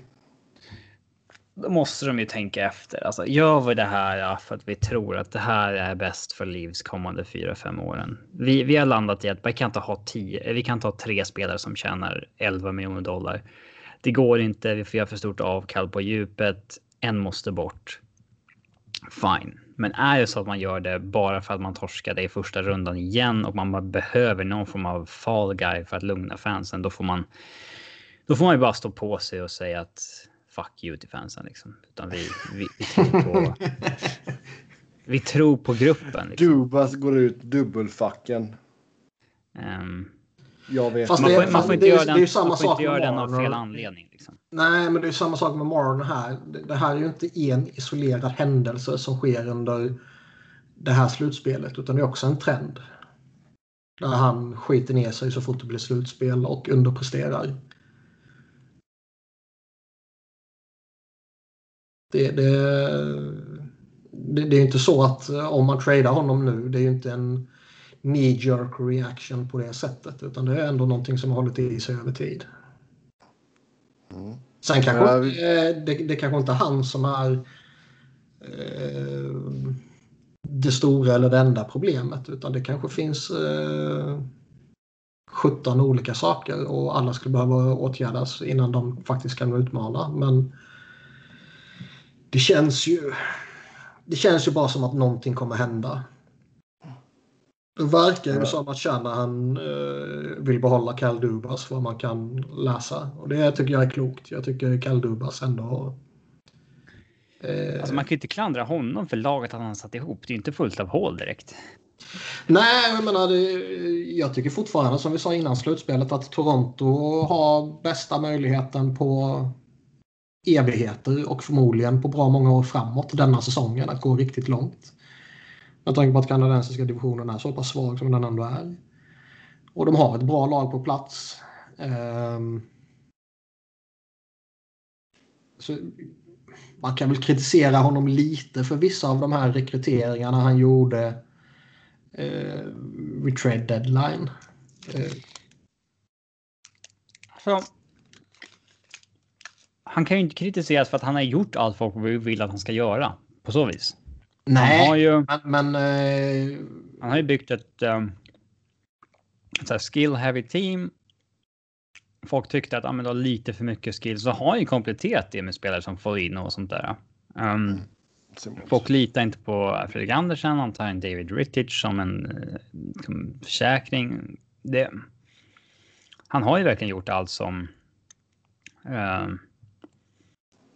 folk har velat att han ska göra. Samtidigt som de har satsat på sina toppspelare och satsat på skill. Och det Ja, ska men så, man länge, göra. så, liksom. länge, så länge de inte går och vinner allting så kommer han ju få skit. Alltså, han, har ju han är ju inte i skottgluggen alls. Det är ju spelarna. Nej, jag upplever inte att eh, han är eh, kritiserad. Jag upplever i så fall att det svingas lite mer mot eh, coacherna. Och de borde ha bänkat toppspelarna tidigare. Ehm, Ingen Det är aning. ju så här, ja, du, du lever ju och dör med dina bästa spelare. Ja, så är så är det. Ska Toronto vinna matcher och matchserier och kupper så är det toppspelarna. Ska du, Precis som alla andra lag. oavsett hur du satt ut i slutspelet där hittills. När du får powerplay i match 7 mot Montreal, skulle du på riktigt inte slänga in Matthews och Marner då för att de bara har ett mål i serien? Nej, det är klart man gör. Ja, Man rider och dör med dem. Det, det är inget... Det ska man göra. Mm. Eh, sen är det ju inte tråkigt att se eh, det går åt helvete för Dave Hackstall. Det praktikanten kanske bara är... ja, men det kanske bara är för mig. Niklas är långsint alltså. Ehm, Jag har bara börjat. men det här eh, att alltså, skylla på att de tappar Tavares. Ja, Tavares är jättebra, men de, de har fortfarande ett lag som är överlägset eh, Montreal på pappret och de tappar Jake Massin i match 7. Ja, men det är en match han är borta. Vad fan. Det, det är klart att de ska reda ut det där ändå. Ja, och han är bra och allt sånt där och han är viktig för dem. Men det är ingen eh, Chris Pronger två lyssnarfrågor här angående Toronto. Robin förklarar varför Leaves inte ska få panik. Så trött på allt skitsnack. Samma med Caps och Blues tidigare. Ja, men jag var väl inne lite på det att jag tror inte att det är. Eh, jag tror att det är moves man kommer ångra om man gör det. Om man liksom hivar Marner och. Det. Jag tror man mår bättre. Det kommer gynna Leaves att inte få någon knee jerk reaction på på det här. Man ska överlag inte ta beslut när man är. Eh, tätt in på förluster. Jag. Jag vill dock hävda att eh, det behöver inte nödvändigtvis vara en knee jerk reaction eftersom det är någonting som har pågått över flera år. Ja, men det är inget beslut man ska ta dagarna efter i alla fall. Nej, givetvis. Så på saken lite. Men jag menar, är, är jag i ett annat lag eh, som vill ha forwardförstärkning, då ringer jag ju till Toronto. Ja, så tror jag ja. fortfarande att det, det kommer vara tufft för många lag att plocka på sig 11 miljoners eh, Marner. Men eh, försöka ha- loss William Nylander för dem. Då vill väl ha någon spelarutbyte tänker jag väl Mm. också. Det, Mm. Niklas, eh, fråga från eh, Patrik i chatten här. Är Torontos spelare på väg att bli sin generations Sharks? Där de tar sig till slutspelet, men där ingenting händer. det, det kan de ju bli. Sen ska jag Ja. ju säga att Sharks, de var ju riktigt bra under sin peak där. Det var inte så att inget hände i slutspelet. Eh, Nej, de har ju fem visst, de vann inte. Och sådär. Men eh, det är väl kanske mer relevant jämförelse med typ Caps. mm. Som faktiskt var eh, någon form av juggernaut får man väl ändå säga i grundserien. Och sen hade under rätt många slutspel jätteproblem. Ja, de Sen pikade ju. var stängt och då vann de. De pikade ju 09-10. Mm. Där när liksom Alexander Semin gör 90 poäng och Mike Green gör 30 mål och Ovechkin och Becky säger sin absoluta prime. Eh, det... Då var de ju som bäst. Mm. Ehm, men det behöver inte vara just då man går och vinner bara för det. Så kan det bli med Leafs också. Att de... Det är om några år det... De vinner. Mm, mycket möjligt. Jag tror ändå, eh, som sagt, om de inte gör någonting och bara går tillbaka med samma stomme och samma veteraner och samma allting, då eh, det kommer vara så jävla krigsstämning. Och, eh, Ja, jag hade nog ändå stått på mig och gjort det alltså. mm, Alltså, det kommer ju ske små förändringar, men eh, jo, men byta ut någon third-liner mot någon annan eller släppa Zach Hyman för att han blir för dyr. Det räknas ju inte. Nej, men liksom Thornton kommer väl sluta antar jag. Ja, han snackar om att han har bestämt sig. Att han får se. Ja, Jag tycker han borde ha en säsong till i sig. Spetsen har sagt att han vill fortsätta. Han har faktiskt varit bra. Till och med Ja, kanske jättebra. väldigt bra. Ja. där, får, där får de ju ut otroligt bra värde för pengarna i alla fall. Ja. Alltså normalt Oh, sett ja. får ju bara skräp för 700 000. Mm. Ja. Eh, Vi eh, släpper Toronto där. Och så går vi in på matchserien här men Fredrik Andersen behåller de inte. Nej, det kommer de inte göra. Det tror jag inte. En sak till, jättesnabb Okej. Sista. Eh, sannolikheten att Toronto skulle torska i första rundan i alla de senaste fem slutspelarna var 1,4 procent enligt Dom Lyshushin och hans Mm. projections. Ja. Om man tar eh, probabilities i alla de Ja, serierna och ja, att de ska torska alla dem. Det, fan. Det är säkert någon som har gjort sig en bra hacka på att betta emot Toronto de senaste fem åren. Jag ska alltid bara göra det nu. Men det, det där är fan Leaves i sitt esse. Det är 1,4 procent sannolikhet att det sker och det sker. ja, och det... Mm. Yes. Ja, serien då mellan Montreal och Winnipeg. Montreal vann match 1 då, eh, mindre än 48 timmar efter man hade skickat ut Toronto. 5-3 blev det i första matchen. Det här är Eh, fan så- inte en värdig... eh, Det, det här är ju ultimata beviset på att The North Division var verkligen pissusel i år. Jets Montreal i Final 8. Som är så jäkla... Liksom, det är så jävla flad lag och... Fan, tittar du på den matchen och sen smäller över till Colorado Vegas så är det ju inte samma, det är inte samma galax. Det, det där får jag väl äta upp sen eftersom vinnaren i, i Colorado Vegas kommer få möta laget mellan Montreal och, och Jets. Men det, det är verkligen inte. Bra jävla målvakt man ställs mot oavsett vilket. Ja, det är ju. Nej, men jag har sett, må, Jag- jag, jag sett må, ändå- många jag- jag Avs-fans som så här. ah, Ah, fan, man vill inte möta Carey Price. Pff, Jag, jag vill fan inte möta Connor Helleback. jag mötte Jag tror faktiskt, alltså, på, på tal det om vi pratade om när, när Leafs började krascha här och man kände att mot slutet på matchserien att det började gå åt helvete. Där kan nog den här faktorn spela in ändå. Där, där vi hela tiden, alla de här jävla undersökningarna som kommer varje år, vilken målvakt man absolut inte vill möta eller absolut helst vill ha i mål vid en avgörande match. Det är ju alltid Carey Price. Ja. Ja. Där kommer nog en sån faktor in ändå. Eh, Mm. Han kan fortfarande vara... eh, Jag är skeptisk till honom över tid, men han kan vara briljant utav helvete ibland alltså. Oh ja. Han var ju bra Ja, han är väl som vilken. eh, Han är väl som vilken första målet som helst egentligen. Bra ibland, dålig ibland. Och det som är problematiskt är att han har betalt för att vara elit varje dag. Jo.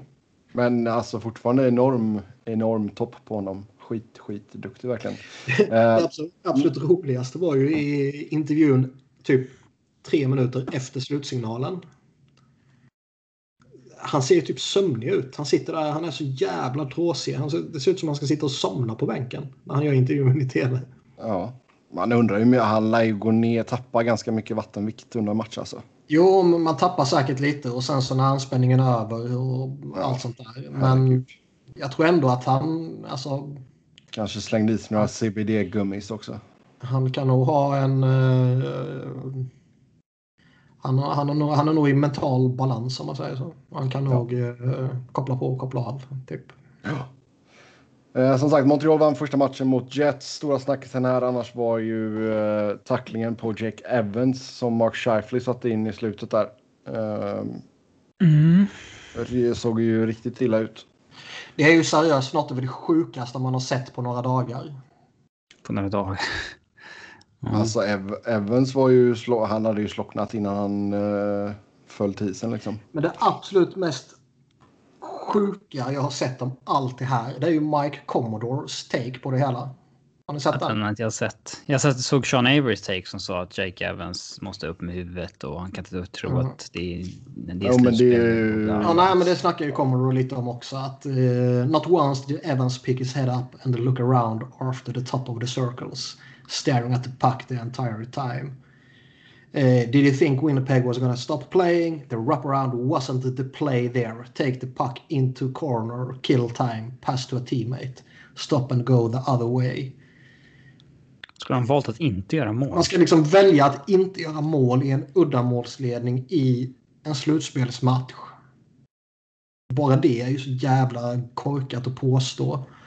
Och eh, det känns ju jävligt orimligt att förvänta sig att en spelare som gör en wraparound eh, ska ha huvudet Han, ja, ja, alltså han måste ju kolla på puck i det läget. Ja. Och sen så Scheifele doesn't take a stride from the top of the circles. Nej, what, what's han he gasar supposed från to egen do zon there? liksom. Just give him a goal, play the puck, how, stop six feet from goal line and poke check. Diving poke check head first into the end boards. Scheifele is far from a predator player. Ja, han är ju fel om allt. Alltså, du. Det är hur naturligt som helst att Jake Evans väljer att lägga in pucken en wraparound i öppet mål. Eh, Mark Scheifele har tagit fart från egen zon. Eh, och eh, det är ju väldigt, väldigt tydligt att det enda han bryr sig om är att jag ska försöka sänka den här killen så hårt jag kan för att jag är lack för att jag håller på att torska. Eh, han leder han med klubban här så kan han ju faktiskt stoppa den här pokechecken från att gå i mål. Mm. Men den drar han ju tillbaks och väljer att nej, jag tänker gå för smällen istället. Mm. Eh, och eh, ja, brutal smäll. Alltså, jag, tycker, jag tycker den här tacklingen är betydligt mera under kategorin predatory än vad Kadris var. Mm. Eh, men vi har ju fått, Ja, det- ja, det har kommit på Twitter att han har fått en hearing, men det är ju inte ett in-person hearing. Så att, Nej, under Ja, vad är det? Max, max fem va? ja, fem slutspelsmatcher är i och för sig rätt mycket, men då hoppas jag fan det är fem också, för den där är brutal. Ja. Nej, alltså jag tycker det, det har varit väldigt många, alltså, fan är det han stollen heter, Whitney, Ja, på Spitting Chicklets. man skulle vilja veta vad det där jävla gänget skulle säga i sin WhatsApp-grupp. Eh, Ryan Whitney och Mike Commodore, Sean Avery och... Jävlar. Nej, men han sa ju också det där med att han måste hålla upp i huvudet och räkna med att han ska få en smäll där liksom. Och, Det här upp med huvudet-crowden, de säger ju det oavsett vilken tackling det är. Mm. Det är ju inte så att du... Det är inte så att du... eh, Du kan ju inte sänka någon hur fan du vill och bara hävda att den personen måste sett att jag tänkte göra det. Nej. Det är ett så jävla tröttsamt eh, argument. Om tacklingen inte är legal så är det ju skitsamma vad den som fick tacklingen... Alltså, vadå upp med huvudet? Ja, han har ju huvudet uppe. Vad är det? Han åker ju inte att titta ner i isen. ja, han, får inte kolla, han får inte kolla på pucken tydligen. Det, nej, och sen, alltså, sen blir det ju stök bakom. Jag tycker Nikola Ehlers gör ju ett jävla hästjobb och försöker hålla undan spelare så att de inte hamnar på Evans efteråt. Det har vi ju sett Men- många men- gånger också. I ärlighetens namn, det, det är givetvis jättefint och hedersvärt av honom. Men det är fan inte han som ska hyllas. Det är de andra som ska idiotförklaras. Ja, alltså det är så här, Det är så jäkla många Jo, hockeyspelare men att det, ska, den att det ens ska här, behövas. Eh, alltså den här, oj nu vart en kille skadad. Nu måste vi veva. Och det är så här. eh, Oftast är det så här. eh, Att det, de knappt vet varför de gör det. Mm. Det är som den här Mike Milbury-grejen när han var uppe på läktaren med skon och slog ner supportrar. Det är så här, nej jag visste inte ens vad som hade hänt. Jag såg bara att eh, vi slogs mot dem och jag backade mitt lag typ. Det är så här, jaha. Och det är ju typ så det funkar på isen också. Någon ligger skadad, någon hoppar på den som tacklar och då känner alla andra att ah, nu måste vi också visa att vi Ja, backar det vår kille. grottmänniskorna i dem. Ja, det är så jävla neandertala nivå på det så att det kan inte.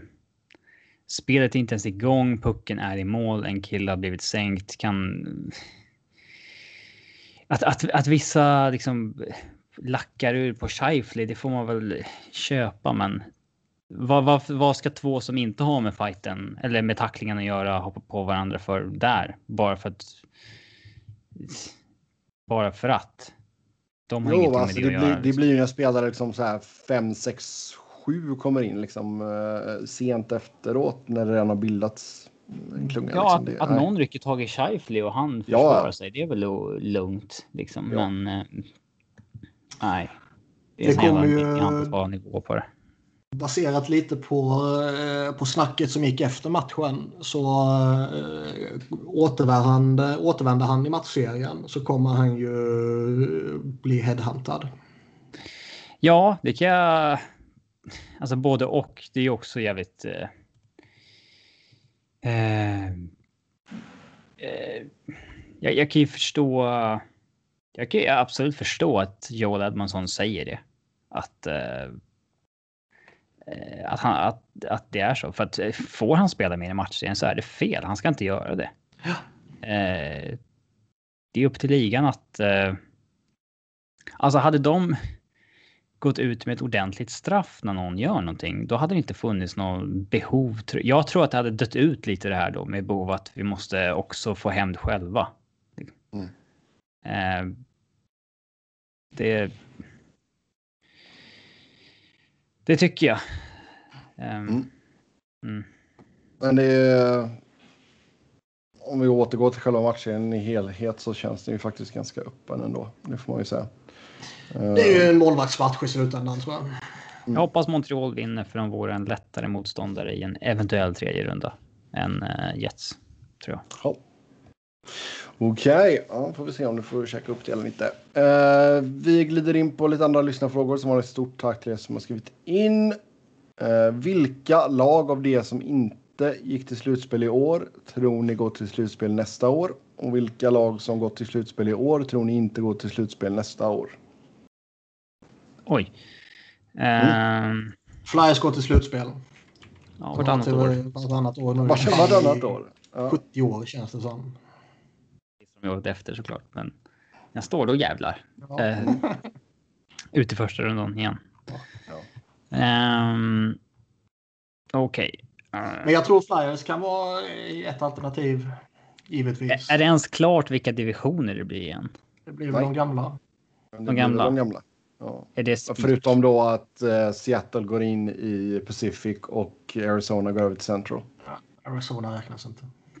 Okej, okay, jag kan inte tänka ut vilka nya divisioner det blir och sånt där, men bara spontant så. Dallas bör ju kunna vara aktuella. Philadelphia bör kunna vara aktuella. Rangers kan ju ta ett steg, absolut. Mm. Eh, Dallas borde absolut spela slutspel. Ja. Calgary kan lika gärna gå till slutspel, men vem vet vad fan som händer där om de ska rensa lite. Ja. Lag som gick till slutspel som kan missa Um, Islanders är lite för stabila tror jag, men annars så de är inte... Ja. Nashville kan missa. Edmonton kan fan missa också. St. Louis ja, kan missa. Alla kanadensiska lag kan missa. Utom Minnesota borde ju man inte kunna lita på heller. Nej. De uh, är inte bra på riktigt. Um, Nej. Ja. ja. Men ja, det kommer våra predictions senare inför ja, säsongen. Det kommer. Oh ja, oh ja. Eh, sen ska vi se en tvådelare här. Ett, Robins burnerkonto har ju fått dragkraft. När blir Bedners Boys verklighet? Två, när ni är klara med att skita på ligan Batman, Paris, Reeves och hela Vegas kan ni väl lyfta Kane McCarr. Har ni någonsin sett någon fintar bort folk så fullständigt bara genom att hålla i pucken. Shane Costas Bear under hans prime. uh, det var ett seriöst svar. Uh, alltså. Det känns som att hockeyvärlden har i alla fall uh, landat i att så där ser en dominant back ut när Erik Karlsson slog igenom för ganska exakt tio år sedan så fanns det fortfarande det där. Äh, säkerhetsrisk och det var bla bla bla. Ja, som. Ja, vi var väl säkert inne på det också att det är inte det där man vill ha av en första back. Men där har vi. Nej då, vi var progressiva och kände att det här är frejdigt. Framförallt jag. Niklas, ja, jag, jag vet ju att Niklas var emot det, men. Ja. ähm, saker och ting utvecklas ju. Liksom. Men. Ja, vad ska man mm. säga? Det, det kommer ju. Jävla Ron Hextall för att han tvingade på oss fucking jävla Nolan Patrick istället för Cale McCarr. Och då slutar backa Nolan Patrick nu va? Ja, den jävla sopan. eh, Folk verkar bara gå och vänta på att han kommer kräva en trade nu. Ja. För att han tycker att han blir för hårt kritiserad och det är inte Nej. skoj och det är för mycket press. Kuppat in massa flyers här nu. Oj. Fan, han kan dra åt helvete. Avs annonserat att de har signat Andreas Wingerli. Ja, Skellefteå-forwarden. Jaha. ett, ett års kontrakt. Flyers Ja. skrev treårskontrakt med eh, Samuel Ersson. Ja. Mm. Fan, det är ingen som bryr sig om Andreas Winger eller? Eller Robin kanske gör det. Mm. Men uh, avbryt inte mitt Flyers Cup. här. Jo, jo. Eh, men uh, Bednar Boys, Burn-kontot Robin. Kom igen nu. Bednar Boys, vad menas med det? Ja, vi skulle, du skulle ju sätta igång den hashtaggen Bednars Boys. Istället för Bengans Boys. Får du gå tillbaka Ja. några avsnitt och lyssna. Har vi pratat om det? Ja, det har vi. Det minns inte jag alls. Fan, ni har ju sämst närminne båda två alltså. Hashtag Jag brukar ju sällan komma ihåg sådana här grejer. Men Robin brukar ju komma ihåg saker som vi Ja. pratade om i- för sju år sedan. Ja, det är sant. Men han går säkert tillbaka och smyglyssnar på avsnitt. Bara för att han ska kunna säga sådana grejer. Nej, Eh, men men alltså, ja, vi har, prat, vi har pratat saker, om eh, Bednars Boys. Nej. Okej, ja, jag förstår fortfarande inte Ja. riktigt frågan dock. Men Dra igång hashtaggen Bednars mitt burnerkonto är i alla fall at avs Robin. Om man vill eh, följa när jag twittrar lite mer frenetiskt om eh, NHL-slutspelet. Eh, Ja. Som kanske inte mina Djurgårds-followers vill ta del av. Nej. Det är mycket sån där. mm, Jag har sett att du är väldigt inne på det här spåret. Att eh, sex is nice but have you seen bla bla bla. Ja, jag tänkte twittra ut en sån om varje spelare Avs på något sätt. Deras trademark. eh, eh, Sex Mm. move. Ja. Ja. Men då får du dra, dra igång hashtaggen Bednars Boys där helt enkelt. Eh, berätta här, vilket hur ska jag förklara som- den för... Eh, hur ska jag förklara den för... eh, lång tråd. Lägg ut lite videoklipp på Bengan också. What, what is the? Well, there's a, a sport called handball. Ja, and uh, a Swedish had, had a coach called Bengan once. And They the had a team was move. called Bengan Boys. Ja. Move called the pickle jar. Det, Mm. det kan nog bli ganska underhållande faktiskt att se en sån tråd. Eh, berätta vilket som är era favoritlag efter det ni håller på och varför är det Montreal? Det är inte Montreal. Montreal kan ju verkligen dra åt helvete.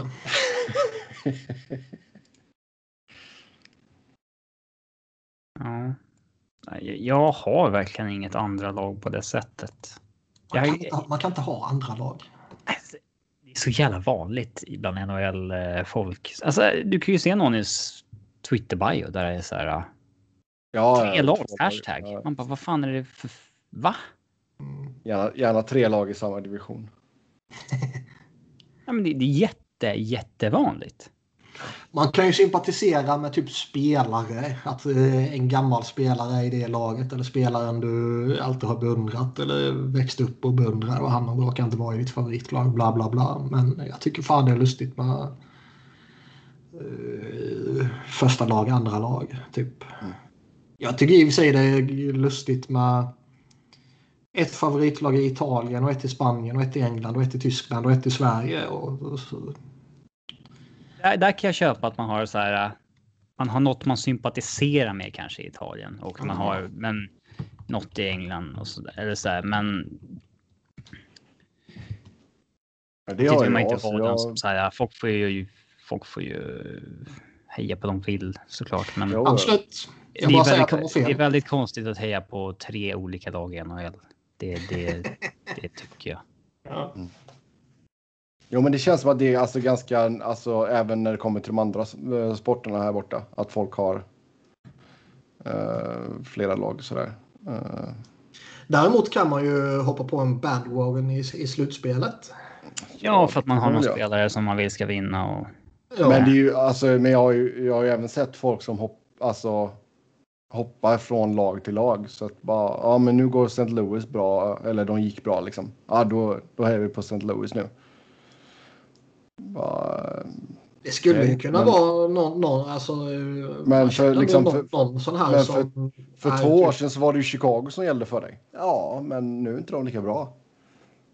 Men ibland kan ändå folk som bara gillar sporten eller kanske bara har ett svenskt favoritlag men de vill ändå följa ligan där det spelas bäst hockey. Då, då kan det vara liksom typ att nej men nu är Tampa roliga att titta på. Då tittar jag mest på dem och om två år kanske det är... Eh, Min farsa gjorde ju det jättes... Min farsa gjorde ju jättesmarta valet inför den här säsongen. Att följa Buffalo lite extra noga. För han gillar Rasmus Dahlin väldigt mycket. Om man inte lyssnar på den här podden och Vad innebär att man följt dem extra noga då? Alltså, men liksom har han tittat på alla matcherna eller har han... Han, han försöker liksom kolla de matcherna han kan med dem. Liksom. Sen går inte han upp mitt i natten och kollar matcher. I och med att han är lite äldre. Ehm, men ja, jag tycker bara det, det var skönt val just att, vad fan, Buffalo alltså. Ja. Det där, man, man, man kan ju inte kräva så att, att han ska förstå bättre. Men det där är ju faktiskt ditt fel. Ja, Är det mitt varna. fel att han väljer att eh, följa Buffalo lite, lite extra för han gillar Rasmus Dahlin? Du ska prata bort honom från det. Ja. Det är faktiskt ditt ansvar. Ja, det är, han, är ju, han är ju som mest inbiten när det kommer till Frölunda. Liksom. Sen vill han ju att det ska gå bra för de gamla Frölundaiterna i NHL såklart. Men det är väl inte så konstigt. Nej. Men det är inte så många som är i jättebra lag just nu. Men, men. Eh, sen ska vi se här. Vilken bourbon var det Sebbe rekommenderade för något år sedan i podden? Eh, det var Buffalo Trace som jag rekommenderade. Eh, som är högst överkomlig som Niklas har eh, druckit. Eh, nu så vill jag ju pusha för Blantons som är från samma distilleri som Buffalo Trace. Eh, men är lite en annan prisklass. Den är lite dyrare. Var Mm. eh, ändå... Men den är jävligt fin. Ja, det är den kanske. Men jag tycker ändå det är lite för dyrt bara för att testa sådär. Jag litar inte på det fullt ut ännu. Nej. Du kan ha haft tur när du rekommenderade Buffalo Trace. Som jag tycker är genuint skitgod. Ja. Eh, som jag dricker Men- as we speak. Men, Ja, eh, Vi fick den frågan också. Vilken whisky dricker Niklas till matcherna och när podden spelas in? Och vad skulle Robin rekommendera förutom Pepsi? Cider? Frågetecken. Är du en ciderdrickare, Robin? Jag, jag, tycker inte, börjat- jag tycker inte att öl är gott. Har du Så börjat att, med de eh, här alko... Typ alko... Börjat med alkohol. Vad heter det? Nej, inte alkoläsk, men de jävla bubbelvatten med alkohol. Typ Bubbelvatten med alkohol. Ja, alltså White Claw och de här. Jag tror inte det är så stort här än. Okej. Ja, då, har, då har ni undgått någonting. Det ska ni vara glada över. Jäklar vad det pushas här. Ja, det har man noterat. Uh, nej, men alltså jag, jag har ingen prest, alkoholprestige utan det, jag dricker väldigt, väldigt sällan, men eh, då dricker jag det jag tycker är gott. Jag tycker inte whisky smakar gott. Jag tycker inte öl smakar gott, utan Det är något som är sjukt med det alltså. Då blir det en Bacardi Breeze. de smakar ju gott så det är väl rimligt liksom. Eh, och ehm, alltså Bailey smakar liksom O'boy. Det är bara att hälla i sig hur mycket som helst. Det, det är ju det är klart att det är gott. Liksom. Kör Baileys flaska och ett sugrör liksom. Ja, men det är klart att det är gott liksom. Ja. Men det är inte så, det är inte så att jag sitter hemma och dricker Baileys. Liksom. Men... ehm, eh, ja. Ja. Niklas, vad har du för eh, Finns apk.se kvar? APK. Ehm, nej. Nej. Ja, det är en, en sajt som var... Jo, det finns kvar. Eh, det, det, är en, det är en sajt som var, eh, är för ungdomar då i, eh, i, i Sverige. Då, som är, det står för alkohol per krona. Vad som är det liksom billigaste man kan köpa.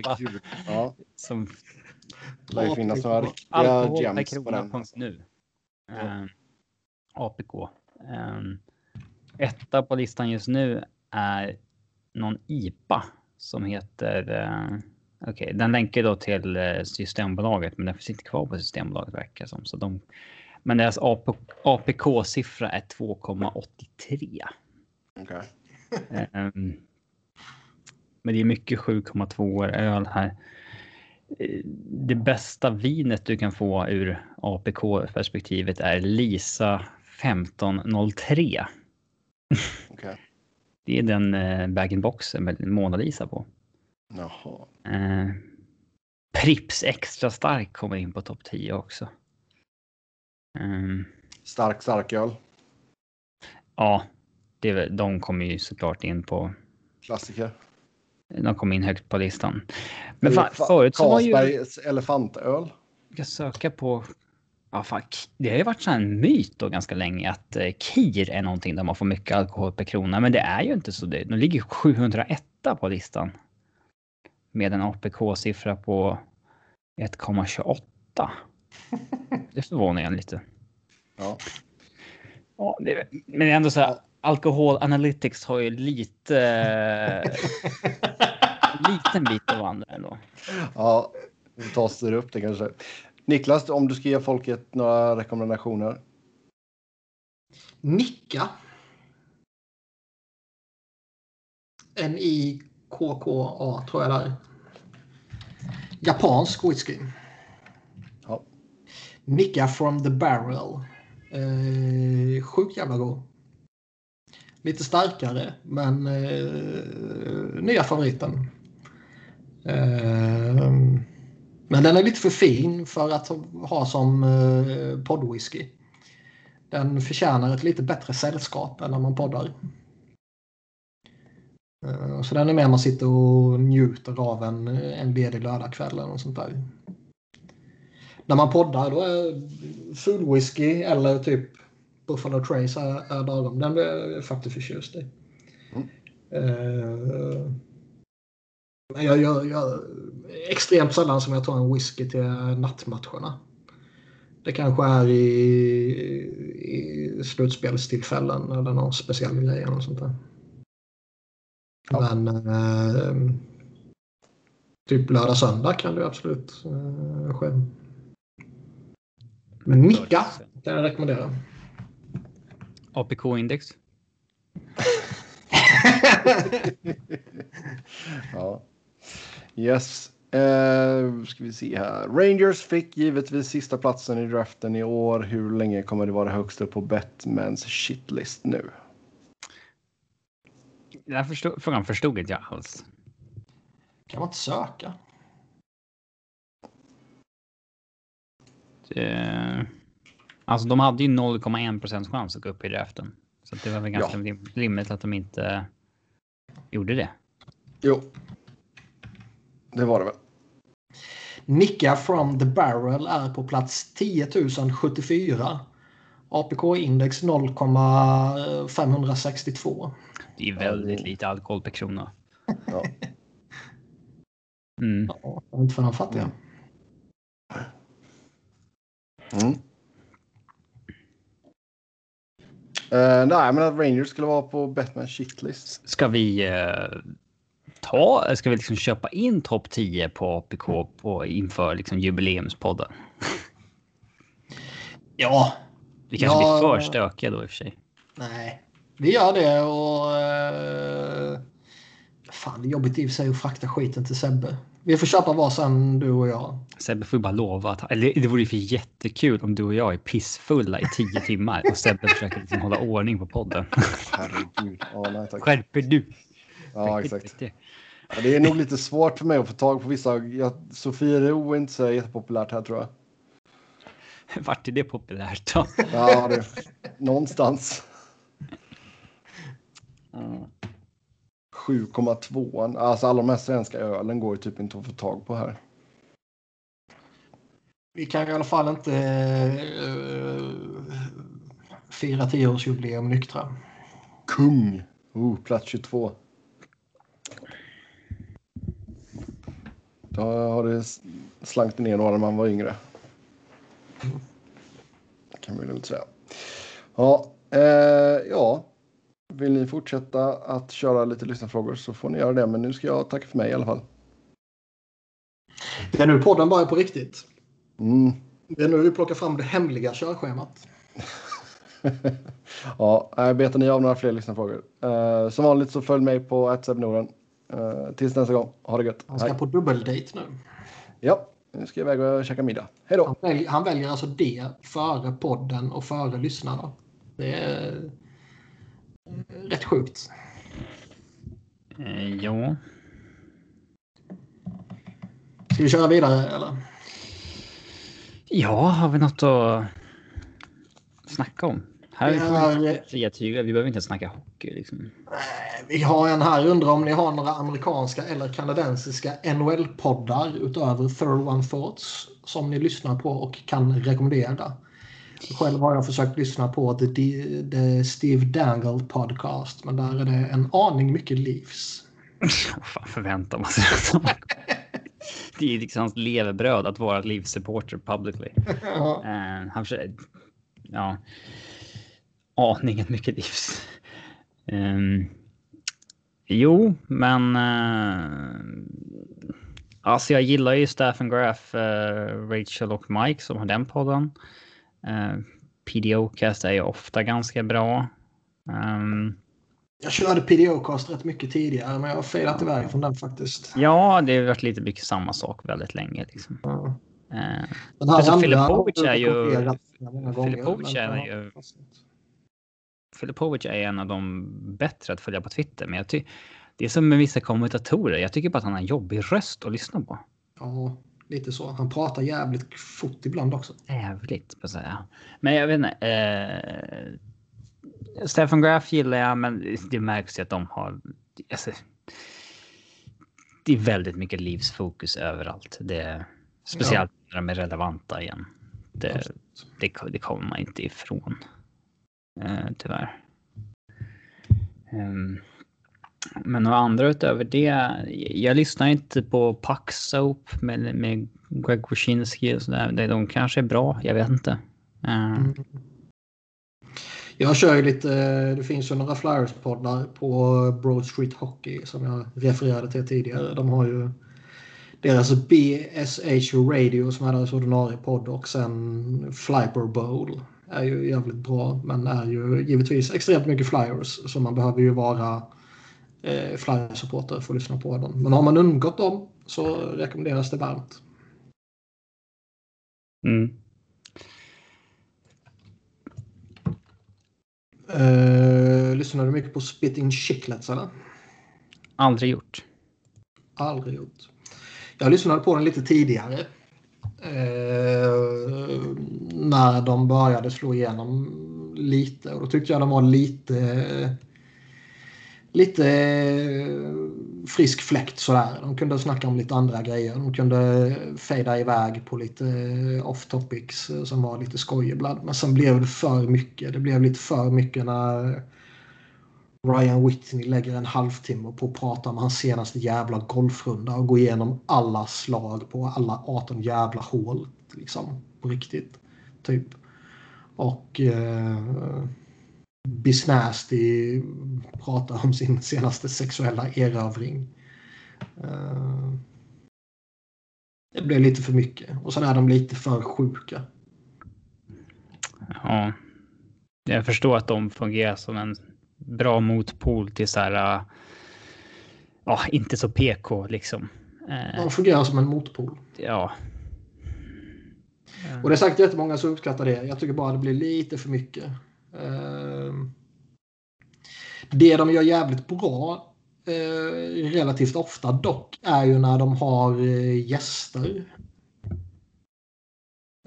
De får ju in lite prominenta spelare och annat folk runt omkring eh, NHL som eh, oftast kan ge bra content. Så det kan vara värt att, att hålla ett, ett öga på om man tycker. Annars har jag nog inte så många NHL-poddar så som jag kan eh, rekommendera. Det, det räcker väl med denna. Och Flyers-podden måste vi ta tag i igen, jag och Johan. Eh, har vi något mer?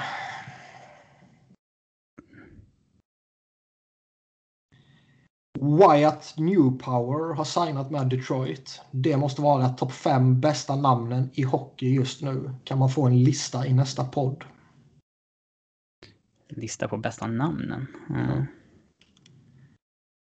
Vi har ju en snubbe som kommer eh, draftas här nu som eh, rankas etta på rätt många förhandslistor. Owen Power. Det är ett jävla bra hockeynamn.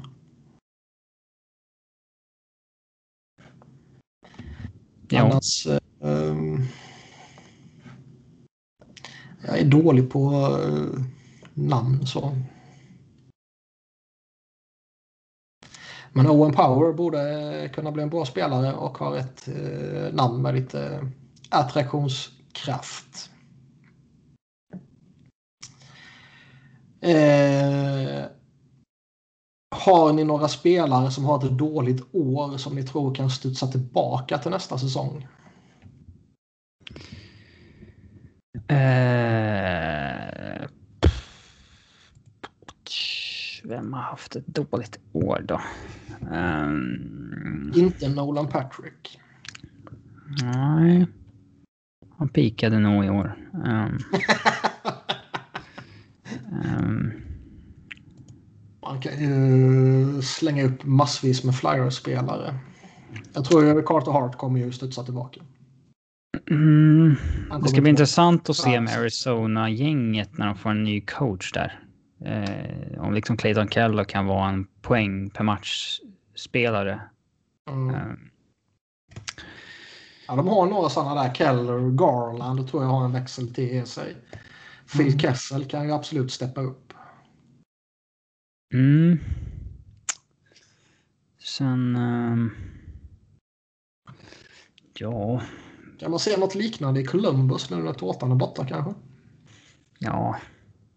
Ja, nu hamnar vi inne på coach-effekter liksom. Det är väl uh, lite långt ifrån frågan kanske. Men... Patrik um, Laine eh, kan man ju lobba upp till exempel.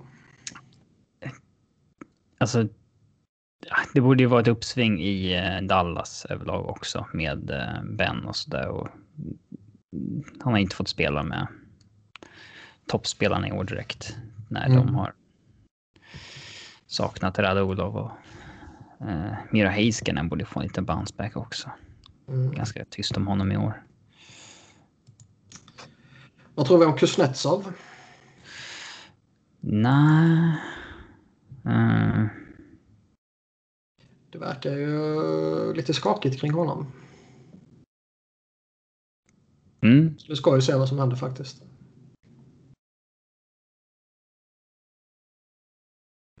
Vad kan jag ha? Något annat roligt har vi väl knappt. Man söker sig ju gärna till lagen som bommade slutspel. Vi har ju några i Sharks i och för sig som borde de ska inte vara så jävla usla som de är.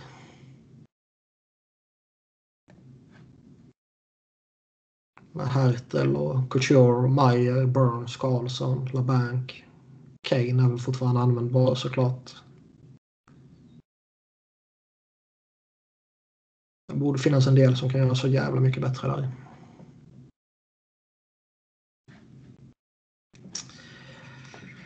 Eh,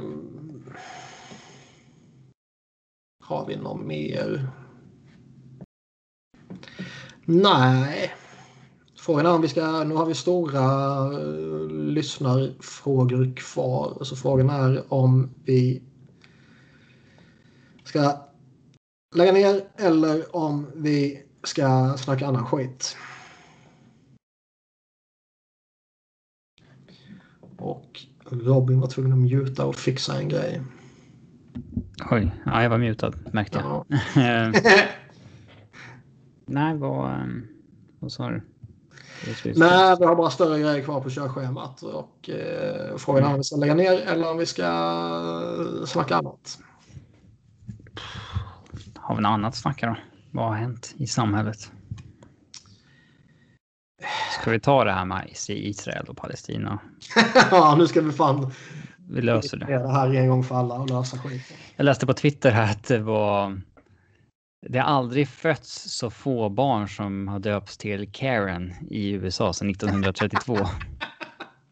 Oväntat. Ja. Okej, Karen. Um. Mm, den, uh, den är inte otippad. Mm.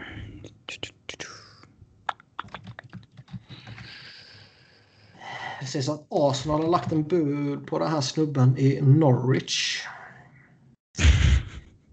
Det sägs att Arsenal har lagt en bud på snubben i Norwich. Um. Han heter något på B. Eh.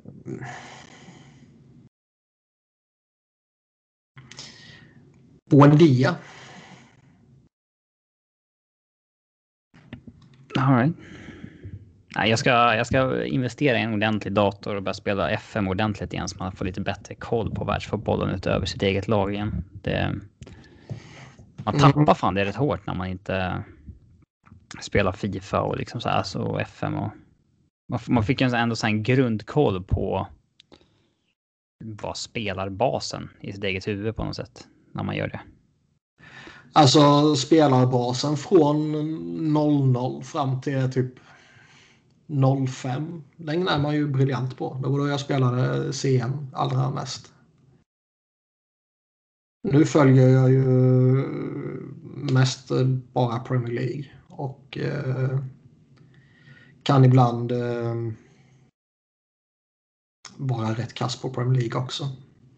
De här skitlagen. Men fan kan någonting om Burnley liksom.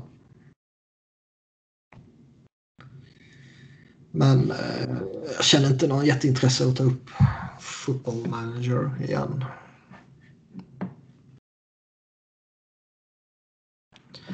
Jag börjar plöja Assassin's Creed Valhalla nu däremot. Så det är riktigt coolt. Så jag är mer inne på sådana grejer nu.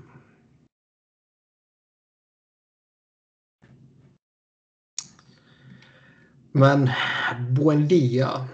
Det känns sexigt att Arsenal ska börja handla i Championship för att stärka upp laget. Även om de gick upp nu och han var bra. Mm.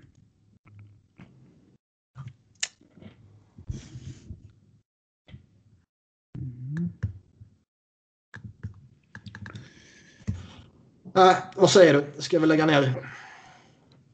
Ja, visst. Folket. Inspelningen. Ska vi, ska vi lägga... Om du kan klippa så kanske du kan lägga upp... Eh, hur länge har vi spelat in nu? Två timmar exakt va?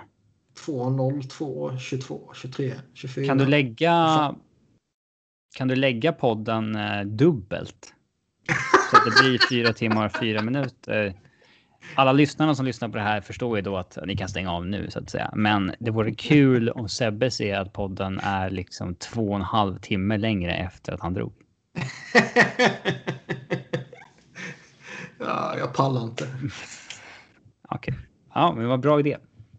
Vi får göra det någon annan gång. Jag, pallar, jag klipper ju aldrig. Jag är så jävla lat. Jag pallar inte klippa. Nej, poddar som redigeras eh, gillar vi inte. Nej, sånt trams ska man inte hålla på med. Allting ska inte vara så jävla tillrättalagt och perfekt. Jag, jag klipper när vi, gör, när vi får någon riktig störning på nätet eller någonting. Då är det verkligen pissigt eller den här... Jag, jag är väldigt mån om att det ska gå ut så färskt som bara möjligt också. Vissa poddar ja. som spelas in och sen släpps en dag senare, då hör man att det här är inte inspelat idag och de har missat det här som hände liksom åtta det, timmar det innan typ, podden kom ut. Det, det gillar jag verkligen inte. Nej, det är typ den, den stora nackdelen med typ Offsides podcast. Som jag tycker är tämligen briljant i Nackdelen? Många men fördelen? Eller vad? Nej, nackdelen. Att de inte snackar... Nej, men att även om de inte alltid snackar aktuella grejer så kommer de ändå ta sig an aktuella grejer. Men aktuella grejer är inte eh, dagsaktuella när de pratar om det. Nej, det är för att de skiter i lite sådär. De kan ju ta något ämne från fredagen som folk göra dem då, så tar de det på onsdagen. Liksom. Jo, jag vet, men det blir ändå, ibland är det ju saker som verkligen är dagsaktuella, typ superligan-snacket. spela in på måndagen och publicera på onsdagen och så hade ju hela idén redan skrotats när de publicerat typ. Okej, okay, jag för mig att de spelar in tis... Att, Nej, jag får det på bit nu. Jag har för mig att jag har hört det. Mm. Men, men. Vi, eh, vi säger så för denna gången. Folket vill ha sina två timmar. De har fått sina två timmar. Och eh, vi hörs